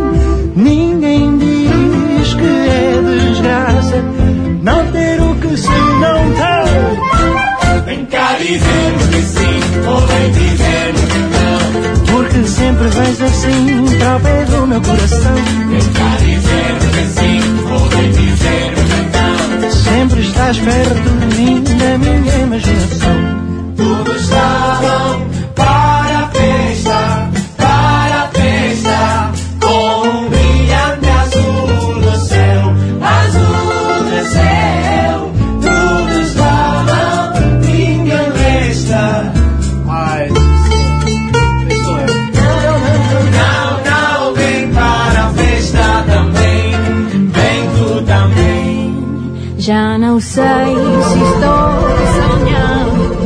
Já não sei se estou sonhando, nem de que serve sonhar. nem de que serve sonhar.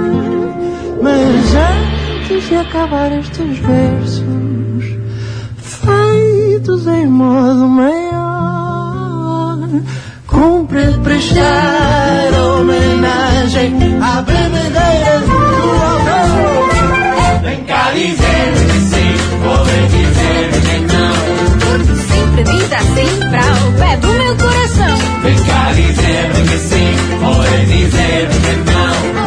estás perto de mim, da minha imaginação. Vem cá dizer que sim, bem dizer que não.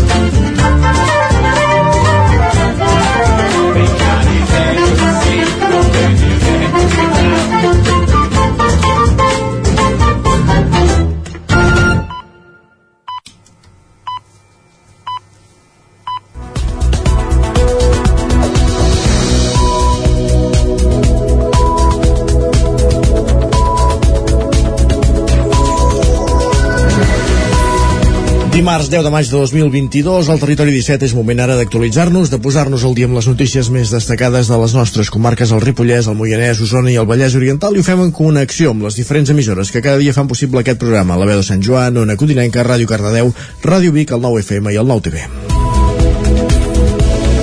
Representants de l'administració, arquitectes, agents immobiliaris i membres d'entitats socials analitzen l'habitatge des de diferents punts de vista a la vuitena edició d'Osona Debat celebrada divendres. La jornada que es va fer al Casino de Vic l'organitzaven la Fundació Antiga Caixa Manlleu, el Consell Comarcal d'Osona i el 9-9.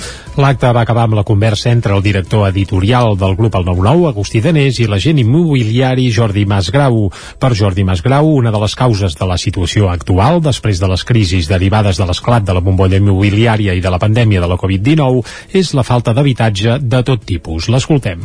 Fa falta habitatge d'obra nova, eh, això ho coneixeran més bé els tècnics, però sembla ser que es construeix un 30% menys de l'habitatge que es necessitaria, eh, que es considera això, la forma de construir-ho és molt important, però el nombre d'habitatges també. Fa falta habitatge que es posi en lloguer, fa falta rehabilitar, en aquest país és un gran oblidat el tema de la rehabilitació, comencem a tenir els edificis del desarrollisme dels anys 60 i 70 que s'han fet vells, que ja no reuneixen aquelles qualitats constructives que haurien de tenir. Masgrau també va reconèixer que molts propietaris no les tenen totes a l'hora de posar els seus habitatges a lloguer. I els propietaris moltes vegades ens qüestionen el fet de, de escolta, jo em gastaré uns diners en aquí i trigaré, doncs, eh, diguéssim, si els lloguers són de 5 anys, trigaré dos lloguers o dos... Eh, diguéssim 10 anys amortitzar això i llavors què tindré? Tindré un habitatge que ja serà vell, l'hauré de tornar a reformar. He sentit que els habitatges estaven... no és així. La gran majoria de lloguers hem d'explicar que funcionen i funcionen molt bé Abans, abans de Masgrau havien intervingut, entre d'altres, Jordi Font, el director de l'Agència de l'Habitatge de Catalunya, que explicava que la crisi resi- residencial, volem dir, és profunda. Només a Osona, la Generalitat té en actiu més de 2.000 ajuts de pagament de lloguer.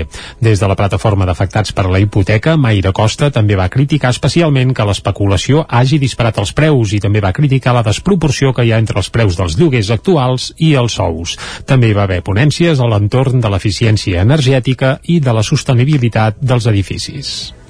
Polèmica pel cartell de la Festa Nacional de la Llana i Casament a Pagès.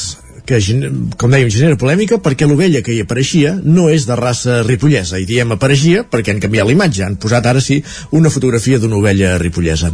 Isaac Muntades, la veu de Sant Joan. El cartell de la 55a edició de la Festa Nacional de la Llana i Casament a Pagès, que s'ha de celebrar el cap de setmana del 21 i 22 de maig, ha generat una certa polèmica, ja que hi apareix una ovella que no pertany a la raça autòctona ripollesa. Les ovelles ripolleses tenen la particularitat que tenen la cara plena de taques de color negre, i en aquest cas l'ovella destaca per tenir un pelatge absolutament blanc. Les reaccions a les xarxes socials han estat d'indignació, de veure-hi una falta de sensibilitat o de desconeixement, i d'assenyalar que s'ha posat aquesta ovella només perquè queda millor estèticament que una amb taques a la cara. Una petita polèmica que ha eclipsat una mica la festa, que enguany arriba amb diverses novetats. La principal i més vistosa és el canvi de la casa del balcó del qual sortirà la núvia a saludar el nuvi. Tornarà a ser des de la plaça Gran, des de la finca de Can Baquer, que ja ho havia estat històricament. De fet, l'any 2007 es va produir el canvi al Centre d'Iniciatives Turístiques, organitzador de l'activitat, ha volgut tornar als orígens. Enguany, el casament a pagès serà real i tindrà com a nuvis a Isabel Córdoba i Manel Vigara. Els padrins seran la consellera d'Acció Climàtica, Alimentació i Agenda Rural i exalcaldessa de Ripoll, Teresa Jordà, i l'artista Lopau de Pons.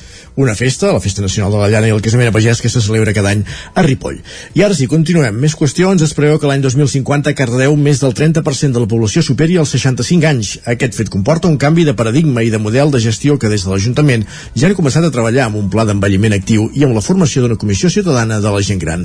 Ràdio Televisió Cardedeu, Núria Lázaro. Amb el pla d'envelliment quilòmetre zero de Cardedeu s'ha fet una diagnosi de la ciutadania del municipi on s'analitza la situació actual a Cardedeu i en previsió demogràfics dels propers anys proposa millora per desenvolupament de polítiques locals per un envelliment actiu en què la participació de les persones grans en la presa de decisions esdevingui fonamental. Enric Oliver, alcalde de Cardedeu. el pla el que treballa és especialment la solitud no volguda i que la gent pugui envellir a casa mm, bé, molt bé i amb moltes possibilitats d'activar d'estar activades eh, treballem això, l'habitatge la solitud no volguda problemes de, de, de violència de qualsevol tipus eh, socialització activitats bàsiques salut, com no pot ser aquesta data especialment, tot això hi ha un calendari, una calendarització i, uns ítems que s'han d'anar complint cada... ens hem posat un calendari que en dos anys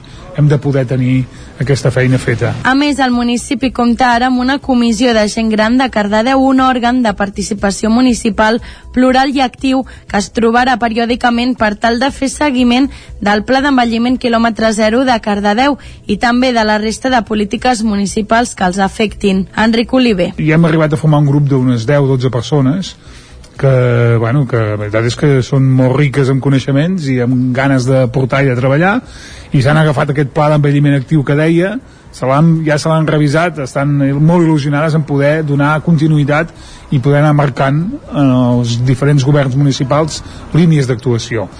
Va ser aprovat en el plenari per part de tots els grups, crec que per unanimitat i a partir d'aquí només queda que treballar El pla d'envelliment quilòmetre zero és fruit d'un conveni de col·laboració interadministratiu entre el Departament de Drets Socials de la Generalitat i l'Ajuntament de Cardedeu. El document es pot consultar a la pàgina web de l'Ajuntament de Cardedeu. I de Cardedeu a Perafita, perquè el forn franquesa celebra 7 dècades i ho fa introduint les xocolates al seu catàleg de productes. Va néixer l'any 1952 com un petit forn de poble i 70 anys després s'ha fet un lloc en el sector a Catalunya, especialment per les seves coques. És el forn franquesa de Perafita, que coincidint amb l'aniversari amplia el seu ventall de productes i introdueix una gamma de xocolates. La nova gamma de xocolates gourmet es ven amb la marca Coques de Perafita, amb dos formats diferents. Per una banda, la xocolata negra i la xocolata amb llet, que es presenten amb rajoles de 100 grams, i per una altra, la crema de xocolata per untar disponible en envasos de 200 grams. La xocolata negra té un 51% de cacau i la xocolata amb llet un 30%. El petit forn de poble que va fundar fa 70 anys Lluís Franquesa ha passat a ser una empresa que en l'actualitat compta amb una quarantena de treballadors i que té botigues a Barcelona, Platja d'Aro, Perafita, Vic i Berga, a banda de punts de venda també a Osona, el Bages, el Vallès i el Solsonès. L'empresa també té una important presència en fires i mercats arreu de Catalunya. Els últims anys, a més, ha diversificat el negoci obrint la casa rural de Cal Estamenya, situada també a Perafita. Tona s'ha convertit en la capital estatal del món de la màgia durant tres dies amb la celebració de la sisena edició d'Una tona de màgia. Recuperant l'esperit i la força d'abans de la pandèmia, una vintena d'artistes nacionals i internacionals han fet parada des de divendres i fins diumenge al poble per, per, per ser a les gales internacionals o a la fira o promocionant la màgia als carrers i places de Tona. Raül Alegria, premiat el 2018 amb l'Oscar de la màgia Merlin Awards com el millor escapista per a la Societat de Mags dels Estats Units, va tancar una noia dins d'un cubicle i aquesta amb les mans fora va ser travessada amb dos pals, la van comprimir i després va aparèixer al mig de la platea. Aquest va ser un dels números que es van poder veure en les dues gales internacionals de dissabte a la sisena edició d'una tona de màgia que retornava al seu format original després d'un any d'aturada.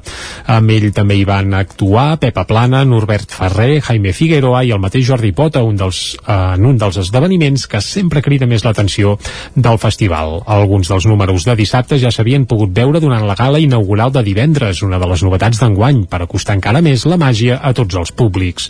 Escoltem Escoltem a Jordi Pota, que per demà que és també el director artístic d'una tona de màgia. La màgia aquí a Espanya és molt coneguda internacionalment perquè es fa màgia de pro, per exemple, tothom tenim al cap en Juan Tamariz, no?, per exemple.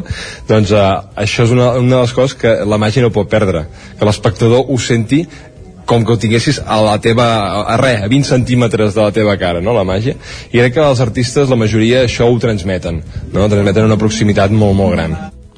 Una tona de màgia va comptar amb una vintena d'artistes entre consagrats i emergents i de totes les vessants de la màgia, il·lusionistes, escapistes, ventrílogs o mims. L'acollida del públic va ser molt bona i els artistes també en van sortir molt satisfets.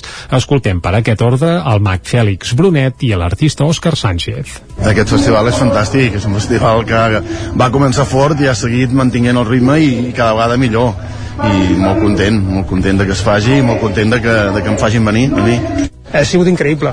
Ha sigut increïble, no m'ho esperava que hi hagués tanta gent però la veritat és que ha arribat moltíssima gent. És un, és un festival que és molt viu. Hi ha molta gent molt participativa. La veritat és que molt content. Amb la voluntat de ressorgir de les cendres, com l'Eufènix, una tona de màgia espera no haver d'aturar ja més el seu recorregut i seguir consolidant-se com un dels festivals de màgia de referència dels països catalans. El Centre Excursionista d'Olor presenta el recorregut de la quarantena Caminada Popular de Santa Maria d'Olor. Caral Campàs, Ona Codinenca. El diumenge 29 de maig serà una data especial per l'entitat. Per celebrar el 40è aniversari de la Caminada Popular han organitzat un recorregut especial amb molt pendent, traçant un recorregut que en plena primavera llueix més que mai. Aquest any, des del Centre Excursionista d'Olor, proposen un circuit que passa per la vessant sud-est del terme municipal, recorrent algunes de les parts més altes d'Olor. El traçat consta d'uns 14 quilòmetres amb uns 450 metres de desnivell positiu. Es passarà per diferents punts emblemàtics dels entorns del poble, com el Molí d'Altimires o el celler i l'ermita de Sant Miquel d'Olor, on hi haurà l'esmorzar amb pa i botifarra o opció vegana. Tot seguit es tornarà al poble per l'Horta del Pedrols. Gràcies, Caral, amb aquesta informació, que amb aquest repàs informatiu que, que començàvem a les 10 del matí en companyia de Jordi Sunyer, Caral Campàs, Isaac Muntades i Núria Lázaro. És moment ara al territori 17 de conèixer la previsió del temps.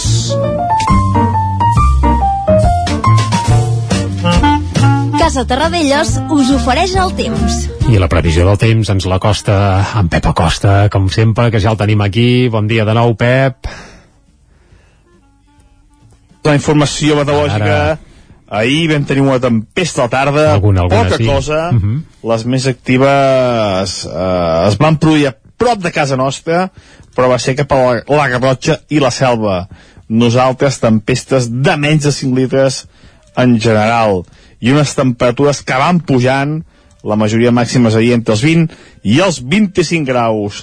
I avui serà un temps molt semblant al d'ahir, però amb alguns matisos, que ara mateix explicaré. Vinga. Per començar, les temperatures mínimes són molt semblants als d'ahir, això sí, molt semblants. Uh, per sobre els 10 graus hi ha el peritoral, entre els 5 i els 10 cap a Osona i el Moianès, i només per sota dels 5 a les cotes més altes del Pirineu. I avui, pel que fa a l'estat del cel, serà un dia molt semblant al d'ahir, molt de sol fins al migdia, molt de sol, gairebé cap núvol, i a partir del migdia creixement de nuvolades. Les nuvolades seran més actives, o sigui que seran més força, cap a la zona del Pirineu. Eh, en principi sense precipitació. Si en deixen algunes seran quatre gotes a la zona d'Ull de Ter i zones pròximes. Molt poca cosa. Les temperatures màximes pujaran. Ahir eh, la majoria entre els 20 i els 23-24 graus. Avui ja la majoria entre els 23 i els 26-27. Eh, per tant, més calor, més calor de cada migdia. I un altre mateix important és que els vents bufaran de direcció sud una mica moderats, sobretot al migdia i cap a la zona prelitoral bufaran una mica moderats. Eh, hi ha una petita entrada de vents de sud que farà que les temperatures vagin pujant al llarg de tota la setmana i que les tempestes siguin molt residuals i molt poc importants, almenys fins dijous o fins divendres. És el temps que ens tocarà aquesta setmana. I moltes gràcies, això és tot. Uh, demà una nova informació meteorològica. Gràcies, adeu. Doncs vinga, aquesta setmana sí que portes d'estiu ja gairebé l'olorarem, eh? Més tranquils. Això sembla, això sembla. Doncs va, dit això anem cap a l'entrevista, que també és interessant saber el temps pel cap de setmana, tenint en compte que parlem de concerts a l'aire lliure tot seguit. Doncs vinga, anem-hi. Som-hi. Casa Tarradellas us ha ofert aquest espai. Territori 17. Envia'ns les teves notes de veu per WhatsApp al 646 079 023. 646 079 023. WhatsApp Territori 17.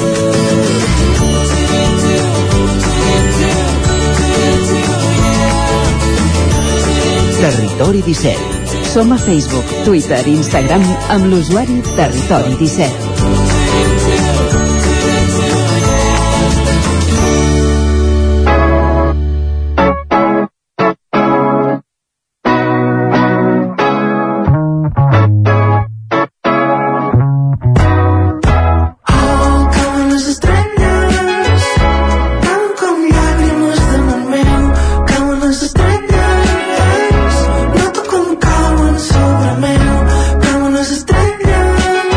Del petit de Calaril, aquí estem escoltant de fons, és una de les 13 actuacions que entre dijous i diumenge hi haurà en diferents escenaris de, de Roda de Ter en una nova edició, la cinquena, si no, anem, si no contem malament, del Festival Encanta, que com dèiem se celebra aquest cap de setmana a, a Roda de Ter, i com dèiem, 13 actuacions, 13 concerts de 13 artistes diferents del festival, de la programació i de tot plegat en parlem ara tot seguit amb el tècnic de Cultura de l'Ajuntament de, de Roda, en Jaume Salés, aquí ja saludem. Bon dia, Jaume. Bon dia. Com dèiem, 13 actuacions durant 4 dies, entre dijous i, i diumenge, per diferents escenaris de, de roda. Una mica, eh, amb, quina, amb quina filosofia es planteja aquest, aquest festival? Uh, bueno, l'Encanta sempre s'ha plantejat com un festival de petit format per, per, per una banda uh, donar a conèixer propostes uh, emergents o concerts uh, artistes emergents uh -huh. i per l'altra donar a conèixer a la població de Roda de Ter seria una doble, una doble voluntat Uh, I també la idea és aquesta, donar a conèixer a la població, per tant, diferents escenaris i a vegades sí. recuperant fins i tot alguns espais, no?, en desús. Sí. Quins són els escenaris d'aquest any? Uh, els espais d'aquest any són, bueno, hi ha espais molt consolidats ja al festival, amb aquests 5 anys, el Museu de l'Esquerda uh, seria un dels espais, llavors uh, hi ha la Casa d'Octubre, que és un espai que vam, vam inaugurar la tercera edició, Mm. llavors hi ha la Capella del Sol del Pont, que també és un espai que havíem perdut uh, uh, per la pandèmia, però ara aquest any el podem recuperar, i finalment els jardins de la Fundació Miquel Martí Pol, que també és un espai que, que mica en mica es va consolidant. Molt bé. I, clar, eh, com dèiem, 13 artistes, 13 concerts, no és pas poca cosa, eh, i fer una programació amb 13 artistes, com deies, amb molts d'ells eh, emergents o, o de petit format, no ha de ser senzill, oi? No, uh, no, no, no és senzill, sobretot perquè uh, això és un festival que es fa amb l'ajuda de voluntaris i amb, amb, amb potser uh, pocs recursos uh, com si diguéssim uh, físics o, o recursos humans però amb molta voluntat de, i molta il·lusió de que, de que es pugui fer. Llavors és un festival que es tira endavant amb molta il·lusió en el qual el 90% del pressupost del festival es destina a que puguin venir artistes i donar a conèixer artistes i això, generar aquest rebombori a roda de terra. Comencem, com dèiem, dijous, hi ha un primer concert a dos quarts de vuit de la tarda de Carola Ortiz. Divendres hi ha dos concerts més, de Garon i Mireia Vives i Borja Penalba. Eh, Explica'ns una mica això, qui és la, la Carola Ortiz, on actua, una mica com, com aneu a parar amb ella. La, la Carola, uh, bé, és una uh, és una artista formada així al taller de músics, uh, és una artista jo diria que és l'artista més lírica que ve aquest any al, al, al festival, té una formació molt clàssica, és una, una artista que, que, que pot agradar a molts públics. Llavors, eh, optem per ella per inaugurar el festival perquè l'any passat va inaugurar el festival l'Alba Carmona, que, que va funcionar molt bé, i buscàvem un perfil així com, com molt més mainstream, que pogués arribar més gent, i que, que no fos, hi ha algun artista de dissabte que és més especial, més, més, uh, més um, curiós, buscàvem un artista que, que, que, que, que fos molt per tots els públics i que pogués agradar molta gent. Llavors, per això ens vam optar per la Carola Ortiz. Més uh, en aquest projecte versionen poemes de poetesses catalanes, és un projecte molt bonic. Uh -huh. uh, i llavors uh, el, el divendres uh, en Garon és un artista que se'ns acosta. Uh, cada any tenim propostes d'artistes i que és un artista que, que no estem molt acostumats a, a programar a l'Encanta. l'Encanta mica en mica ha, ha anat definint un so que, que nosaltres anomenem el so així com més encanta però ell s'escapa completament, és un cantautor eh, d'estil, és un cantautor clàssic, eh, guitarra i explicar històries ens venia molt de gust que, que, que surti de la zona de confort que ja ens hem instal·lat a, a l'Encanta i programar una cosa que, que per nosaltres, bueno, que és una cosa absolutament uh, convencional, però per nosaltres uh, a vegades uh, ens costa una mica uh, programar aquest tipus d'artistes, és un tio uh, molt entranyable, que, que agradarà molt uh, a molta gent que s'acosti a veure'l, i llavors bé, acabem la nit de divendres amb Mireia Vives i Borja Penalba que bueno, no, no cal dir res d'ells dos estan consolidadíssims i la proposta és eh, meravellosa. La Carola Ortiz, perdona, on, on actua? El, el concert a la? Casa d'Octubre A la Casa d'Octubre, d'Octubre, sí, igual que l'any passat comencem allà Perfecte. El dissabte és el dia més atapeït de concerts, ja n'hi ha un al migdia, n'hi ha durant tota la tarda i fins que, com dèiem, el colofó a les 10 de la nit, el concert que sentíem a l'inici de l'entrevista de, del petit de, de Calaril. Una mica fem una repassada. Comenceu al migdia amb una mena de concert vermut, entenc, amb, amb Paunès. Sí, en Pau és un artista molt emergent, uh, va treure el primer EP, ara treu el segon, uh, uh, crec que, que està al caure, uh, va treure l'EP durant la pandèmia i és un artista que tot el que aquest EP es gestiona i es, es, es crea durant, uh, a partir d'aquests sentiments uh, més uh, més um, um, de, de, de fricció de, de, no sabia com dir aquesta sensació que ens va deixar la pandèmia de, de soledat sí. és un artista que crea a partir d'això i, i, i és un, són músiques molt urbanes molt, molt fresc, molt, molt contemporani seguim amb l'Ariox que és eh, molt similar de fet tenen una cançó que comparteixen ells dos eh, vull dir, són molt similars els dos artistes però passa que l'Ariox té una visió molt més eh, fresca, divertida més agradable, més simpàtica de la vida i això es plasma en el que fa. Molt bé. continuem amb la Maia Miranda que és un artista eh, és molt bonic el que fa perquè és una cosa molt artesana. Eh, la gravació del disc sempre dic que se senten com deixa, se sent com deixa la guitarra, és una cosa molt artesana, molt, molt bonica, i el fem la capella al sol del pont, veiem que és l'escenari més adequat per escoltar una cosa tan, tan, tan petita, tan plena de detalls i tan en matisos. Continuem amb, amb Equiza, que és un artista del País Basc que, que, que crea música a partir de loops i de pedals, és una, potser és la proposta més singular de totes les que, de totes les que tenim aquest any al festival. Uh -huh. Uh, continuem amb Inspira, és una banda una banda consolidadíssima de l'escena uh, pop uh, de Barcelona um, uh, bé, no necessiten gaires presentacions. l'Alba Morena uh, um, és l'artista més emergent més, més urbana, més fresca més, més desinhibida d'aquesta edició. És un concert que, que recomanem moltíssim. Uh -huh. i ja en passem al petit que, que ja no cal dir res del petit que ja, ja ben sola Molt bé. I diumenge tres concerts més, també en aquest format de migdia i tarda, de, de Maria Hein, Jasmine Boada i Sandra Montfort, tres dones, eh? Sí, sí, sí.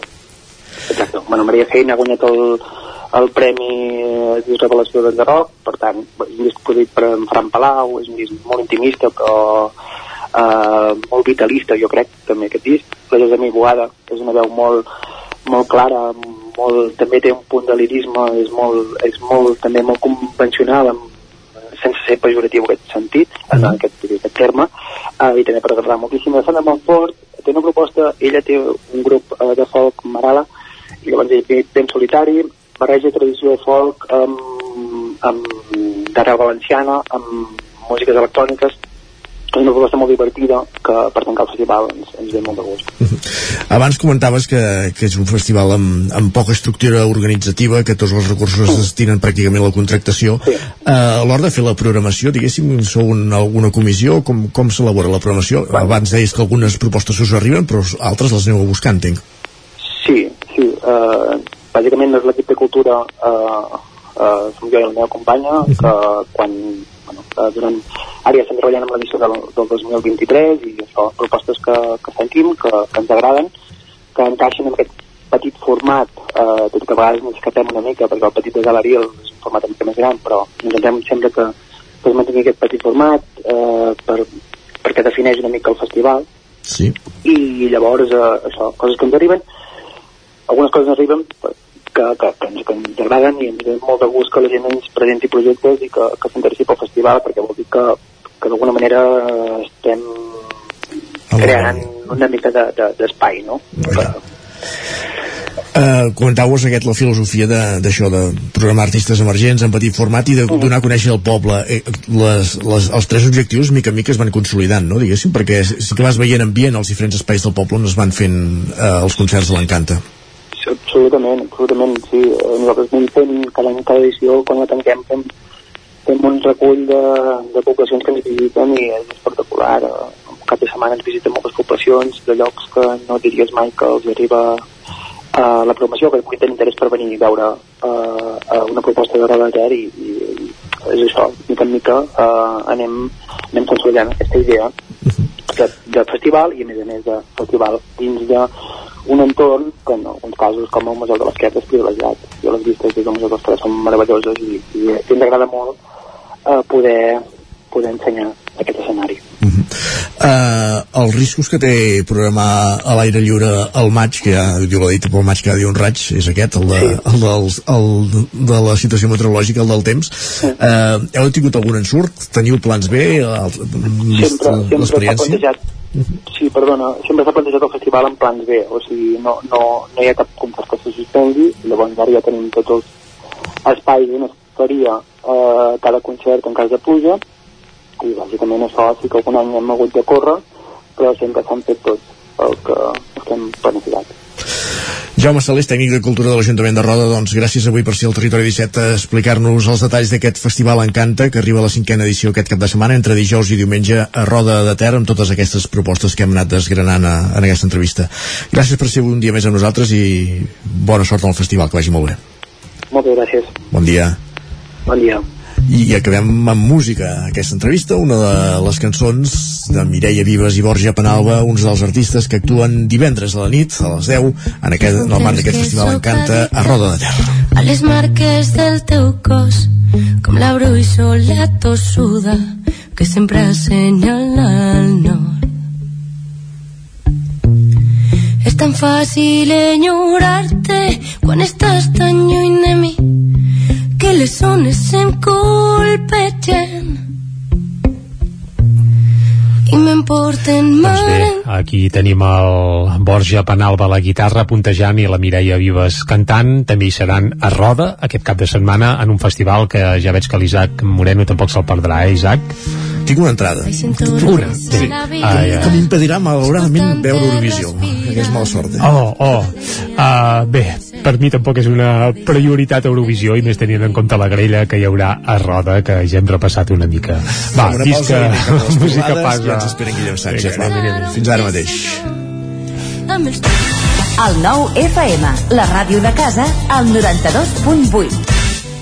Cobertes serveis funeraris. Els nostres tanatoris estan ubicats en els nuclis urbans més poblats de la comarca d'Osona per oferir un millor servei. Tanatori de Vic, Tanatori de Manlleu, Tanatori de Centelles i Tanatori de Roda de Ter. Sabem que són moments difícils i per això el nostre compromís és atendre-us en tot moment amb un tracte humà, sensible i respectuós. Cobertes serveis funeraris. Telèfon 24 hores 93 883 23 46. A Bailen sabem que quan té una avaria a la seva caldera vol una solució ràpida. Truqui al servei tècnic oficial Bailen i els nostres tècnics vindran ràpidament a solucionar-li el problema. A més, si canvieu ara la caldera, us regalem fins a 300 euros. Truqueu al 910 77 88 77 o entreu a bailan.es. A El Racó de León ja és primavera. Gaudeix de la nostra terrassa. Vine a tastar les xuletilles de lechal a la brasa amb una bona amanida o el xuletón de vedella gallega. No et pots perdre el nostre lechado de Castilla al forn o el cochinillo a l'estil de Segovia. Tot acompanyat del millor celler, al menjador o fora la terrassa. Descobreix la millor cuina de Lleó sense moure't de casa. Vine amb la família, els amics, la parella o sol. T'encantarà. El racó de León, cuina tradicional lleonesa i de mercat. Som al carrer Torelló número 35 de Vic. Per reserves, telèfon 93 889 1950. El racó de León, una cuina diferent. Arriba la primavera i tornen les samarretes. A Gràfic Cert tenim una extensa varietat de samarretes per vestir el teu personal, promocionar la teva empresa, club esportiu, associació... Si estàs organitzant un esdeveniment esportiu o una festa cultural, una samarreta és una bona opció per lluir la teva marca. Ja ho saps, si el que necessites per la teva promoció és una samarreta, Gràfic Cert és el teu proveïdor. I ara també tenim a la teva disposició samarretes 100% reciclades tant de cotó com de polièster. No esperis més i truca'ns al 93 886 12 15 o visita'ns a graficcert.com. Cocodril Club. Si t'agrada la bona música dels anys 60, 70 i 80, escolta el 9 FM als matins de dissabtes i diumenges d'11 a 1. És el temps del Cocodril Club, tot un clàssic de la ràdio, amb les bases del pop-rock, les llegendes, les cançons que s'han convertit en autèntics himnes. Recorda, dissabtes i diumenges al matí, d'11 a 1, al 9 FM 92.8. Cocodril Club, el programa revival de l'Albert Malla. Hasta luego, cocodrilo. Anuncia't al 9FM. La màquina de casa. 9 3 8 8 9 4 9 4 9. Publicitat arroba al 9FM.cat. Anuncia't al 9FM. La publicitat més eficaç. El 9 FM, el 9 FM. En punt, dos quarts d'onze, al territori 17.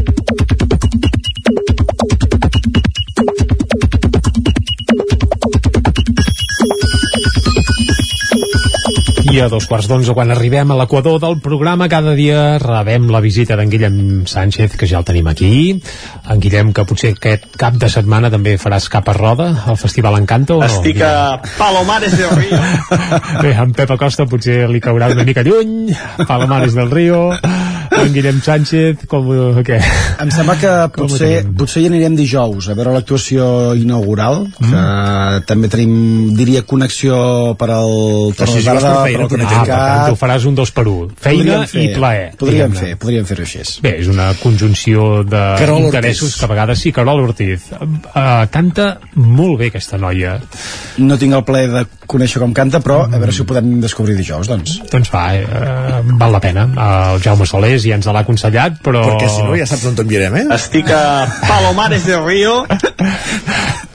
Vinga, va, doncs va, fet aquest mini apunt musical, no sé si les piulades d'avui també són d'aquesta corda o toquen altres uh, partitures. Tenen temes musicals perquè jo no sabia que al cap de setmana hi havia Eurovisió, Jordi, Oh, també, ja, home, avui hem escoltat precisament una peça on cantava el Salvador Sobral, aquell Doncs- portuguès que va guanyar Eurovisió fa, això, dos o tres anys, o potser quatre o cinc, perquè Doncs jo estem molt situats. No en però vaja. tenia ni idea, m'ha agafat molt de, de sobte i potser jo acabaré fent com, com fa la Marta, que és el que ens escriu avui per, per Twitter. Deixa'm dir que el has de fer és el que farà l'Isaac, que és anar, anar a concerts a roda i a Eurovisió, escolta, uh, que és un golet... Bé, tant és, va, digues, digues, què farà La Marta, que ens escriu, número 1, va. diu, no, no m'interessa Eurovisió per res, no crec que ho miri. Bé, potser ho poso un momentet de res, però no crec que em quedi fins al final. Suposo que llegiré o alguna cosa així. I després de tres punts suspensius, ella mateixa diu, sé que cauré. Que això, això de les votacions té gràcia, jo, jo ho he de reconèixer. Jo ho he de reconèixer. Doncs mira't Eufòria el divendres, tu, que és més divertit i més nostrat. Clar, si algun dia, això sí, eh, és que a vegades critiquem Eurovisió, però si d'aquí 20 o 30 anys, quan el país estigui on estigui, eh, i apareix allò un concursant català a Eurovisió, potser ens ho miraríem tots després, eh? Endavant. I Doncs- va, vinga. L'Oriol hi afegia també Cullerada, ens diu ahir van veure que també fan legal en directe alguns cinemes, que ja és uh, la Ah, que sí? es veu que sí. Pots anar al cine? Ah, sí. Ah, Ospa Manela, tu. Mare de Déu. Està bé, està bé. Fa anys que no vaig al Suca, però hi ha, amb, amb dos Però dies hi dos hi- no, amb dos dies vaig anar dos cops i vaig veure l'anunci que, que feia. Ah, carai, carai. Bé, jo hi vaig anar una vegada a veure una òpera i la veritat és que, que si t'ho posen i sona bé i d'allò, no, mira, No queda doncs no està malament. Jo el que faria potser Ara, és... El... Eurovisió seria, seria una altra història, eh? però vaja. Jo si és per fer el plan per això que ens proposa aquest usuari, potser sí que hi aniria a veure el festival. Diu, Mhm. si tingués molts diners, divendres volaria a Torino per veure Eurovisió i m'hi estaria tota la setmana per enganxar amb la final de la Champions femenina. Ah, Llavors, veus? sí, no? Aquest és un pla força més interessant, potser, sí, sí. Va. Pot anar a Turí per fer moltes altres coses i, ja I per veure futbol també, home, També, només sí. faltaria. Vinga, vinga. Doncs va, com cada dimarts ens toca fer la ració habitual de, de crims del programa d'ahir, Ah, que... ahir.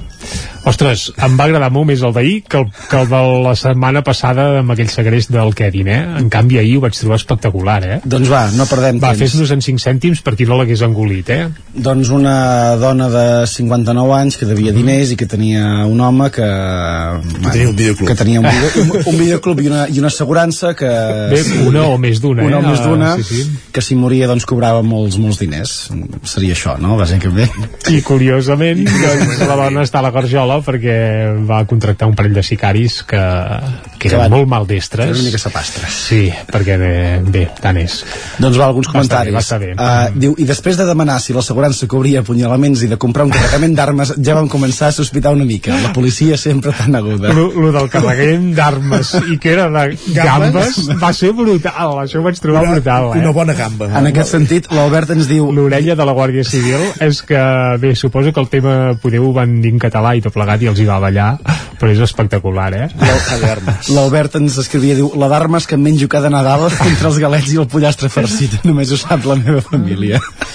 Bé, potser també ho saben la Guàrdia Civil del seu poble, tu, que havia Pegasus, hòsties i escoltes telefòniques. I Bé, tenim per això, eh, entre els eh, espectadors de, de, de crims, alguns que podrien ser també guionistes de, de crims, perquè ja s- intenten a pensar en alguna de les converses que hi podria haver hagut, per exemple, entre els dos sicaris al moment de segrestar la recaptadora. Ens, ens escriuen, diu, m'imagino els lladres en plan Juan era coger la maleta i dejar la mujer i no coger la mujer i tirar la maleta. És que, clar, aquest, aquest detall també és espectacular. Uh, traquen i mig segresten una dona que duia un maletí ple de calés que els havia recaptat bé a l'època de la Diputació, suposo, de Girona, que recollia impostos municipals, s'emporten la dona i es deixen la maleta. És que, clar... Eh, I han de tornar llavors a buscar-la, sí, clar, sí, que- han de recular, aviam si encara hi havia la maleta per allà, perquè se l'havien deixat, que és on hi havia els calés, clar. Tot, brutal, brutal. Tot i això, i per acabar, en Jordi ens diu que creu que encara hi hauria una altra persona implicada i responsable en el cas, que em sembla que ell no va sortir en cap moment. Bé, la, van apuntar la tarotista, que era l'amant de la no dona, va per aquí, també. eh? No va per aquí. No van val. per aquí els tiros. En Jordi ens diu, tenint en compte la cara de l'Isidre a la foto, convindrem que el principal sospitós era el fotògraf. Bé, jo crec que el fotògraf va retrat la cara que feia la dona amb aquella foto, també jo, el primer cop que vaig veure la foto dic, oh, la dona. Ho has, ho has dit bé el primer cop perquè la vam veure aquella foto Sí, no, tre- 300 vegades, però la primera dius, uh, aquesta pubilla no, no és aigua clara. I eh? poc, i poc s'ha parlat del paper que hi havia a la paret, darrere de la fotografia, que també té tela. Sí. Bé, és que als anys 80 en moltes cases eh, això de pintar no es feia, es posava parets, eh, paper de paret i sí, era aquest perfil de papers així tot. Ara bé, m'adhereixo a, a l'aportació que feia en Jordi la setmana passada, que, que és que poden ser bastant més curts els capítols de crims, eh? Sí, dir, correcte. Això, això és un altre tema. Acabar sí. a un quart i cinc de, de 12 penso No. que tampoc valia la pena. No, no, ja, Pots acabar a l'hora que vulguis, si, si hi ha matèria, però Clar, clar, clar, clar, és que tu, bueno, tu repeteixen 50 cops, ara plans... Sí, és Almenys- veritat que s'allarguen excessivament. Almenys hi no vam tenir plans a la inversa, per tant no va haver de girar el cap a l'hora Clar, de... també és cert, almenys tots eren de cap per munt, això s'agraeix. Va, doncs va, ho deixem aquí. Doncs Anem cap Guillem, a moltes gràcies, eh? Vinga, va, repassem ara mateix què es cou al 99.cat, després anirem a la taula de redacció, però bé, abans un cop d'ull d'això, al 99.cat, a l'edició d'Osona i el Ripollès, ara mateix obre explicant que prohibiran el bany a tot un tram de la Riera de Merlès durant aquest proper estiu. També Osona, entre les 10 comarques que més creixeran fins al 2033, segons una previsió fruit d'un estudi, i també s'hi veu que el col·lectiu Remei Reviu demana a l'Ajuntament de Vic que aturi les obres de la plaça de la Noguera. Ens n'hem fet ressò al butlletí d'avui a primera hora. Anem cap al Vallès Oriental. Ara mateix, joves de Tagamanent, Parets i Sant Celoni opten al Premi Talent Jove del Consell Comarcal. Uh, això apareix a la portada del 99.cat del Vallès Oriental. També Ada Parellada i altres xefs solidaris cuinaran i dinaran amb els usuaris del Xipre i un club ple de vida amb 90 anys. Aquest club ple de vida amb 90 anys és el Club Bàsquet Granollers i la fotografia que il·lustra aquesta informació és el Xixí Creus, el Joan Creus amb una samarreta amb un número 10 eh, i bé, i aquest cap de setmana van estar de celebració al, al món del bàsquet al Vallès Oriental Perfecte, uh, dit tot això, què fem ara és anar cap a la taula de redacció. Anem-hi.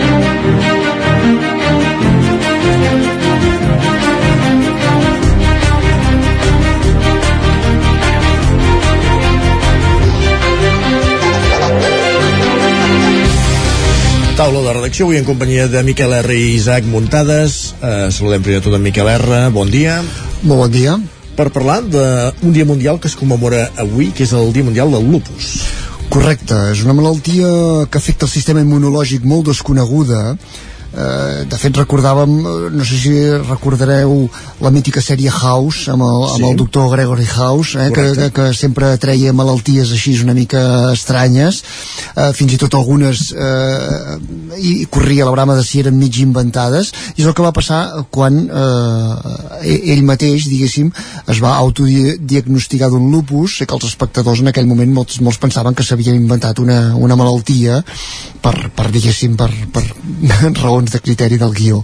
Doncs no, eh, és una malaltia que a més a més afecta d'una manera greu eh, a moltes persones que és molt desconeguda que es manifesta a través de brots periòdics, per tant eh, incapacita puntualment els, el que els afecta, no? Hi ha, hi ha gent com que es manifesta de forma diferent i es desenvolupa de forma diferent, hi ha gent que li afecta molt el dia a dia, altra gent doncs, que, que ho ha capejat més bé. El 9-9 parlava eh, aquesta setmana passada amb dues afectades d'aquí a la comarca d'Osona, la Laura Roca de Torelló i la Rosa Comas de Vic, i explicaven una mica això, no? cada una dels seus casos, com se'ls ha manifestat doncs, amb brots doncs, de pleuritis, de pericarditis, eh, una, per exemple, la, la, i el cas de la Rosa Comas que explicava que ella va ser arran d'un ictus que es va acabar diagnosticant aquesta malaltia. Eh, a nivell de la comarca se'n se'n diagnostiquen, es calcula de 8 a 10 cada any, per tant és una, és una malaltia que, eh, que continua creixent. Avui mateix, avui per avui és incurable i també de pronòstic incert. Tampoc se'n se'n sap ben bé la causa i per tant una mica el que queda és apel·lar en dies com el d'avui, Dia Mundial del Lupus, a intentar que es continuï fent recerca, primera per continuar trobant la fórmula per atenuar eh, aquestes seqüeles que deixa eh, l'enfermetat, la malaltia, i, i de l'altra també per, per saber si a, a la llarga es podrà saber-ne una mica l'origen. Mm, el problema és aquest, no? que, que ja dic que, que és una malaltia per elles també com que no, afecta contínuament a la, a la salut, a vegades també és difícil de, de comprendre pel seu, pel seu propi entorn, no? però en tot cas ja dic eh, afecta de forma molt diferent a cada usuari en el cas per exemple que ens explicava Laura Roca eh, ella ara han trobat el medicament que, que sembla que de moment li ha anat bé aquests últims anys eh, ho pot continuar compaginant amb la vida laboral. En canvi en el seu moment Rosa Comas va, deixar, va, va haver de deixar de treballar. Penseu que també en alguns casos els ha obligat doncs, a intervencions quirúrgiques a, a ingressos periòdics a l'hospital en funció de, de com els, a quin òrgan com els afecta diguéssim el sistema immunològic. Doncs déu nhi recordar només això que de cara precisament a, a recollir fons el proper dia 22 de maig l'humorista Pep Plaza actuarà a Vic. Sí. per tant és una bona ocasió també per, per anar sensibilitzant i visibilitzant aquesta malaltia i de pas recollir fons per contribuir a, a través de la Fundació Catalana del Lupus una mica a la recerca Uh, doncs, sens dubte, és important poder anar recaptant i poder anar treballant en recerca, sobretot en malalties com aquestes, que són que hi ha molt desconeixement encara, no? Correcte, i bueno, el que ens deien, el que ens explicava per exemple la Rosa Comas, que aquests últims anys sí que ha intentat liderar una mica, intentar coordinar una mica els mateixos afectats no? per, per, per donar aquesta visibilitat i, i ens explicava que, que ells mateixos els hi costa reconèixer no, no, no, mm, tampoc sabia donar ben bé una explicació si està estigmatitzat eh, una mica aquesta malaltia o per incomprensió, però ells mateixos sembla que hi ha un cert recel a explicar doncs, que, tenen, que tenen lupus no? quan suposo que ajudarà que hi hagin que hi hagin celebritats com Lady Gaga o Selena Gomez no? Sí. que sí que eh, a nivell mundial ho han anat reconeixent a vegades és una manera d'animar també eh, a això, a fer pública una malaltia per, per contribuir precisament a això, a visibilitzar-la i a buscar recursos per intentar combatre-la. Perfecte, doncs val la pena fer-se en ressò i per això es commemora en els dies mundials com és avui 10 de maig, Dia Mundial de, del Lupus. Gràcies, Miquel. Perfecte. Continuem amb aquesta taula de redacció, anem fins al Ripollès, a la veu de Sant Joan, eh, perquè a Ripoll hi ha, com dèiem, polèmica, hi ha hagut polèmica, perquè podríem dir que s'ha tancat, si més no vaig veure que algunes organitzacions fel eh, se'n felicitaven, per un cartell, pel cartell de la festa de l'Ovella. Isaac Montades, bon dia.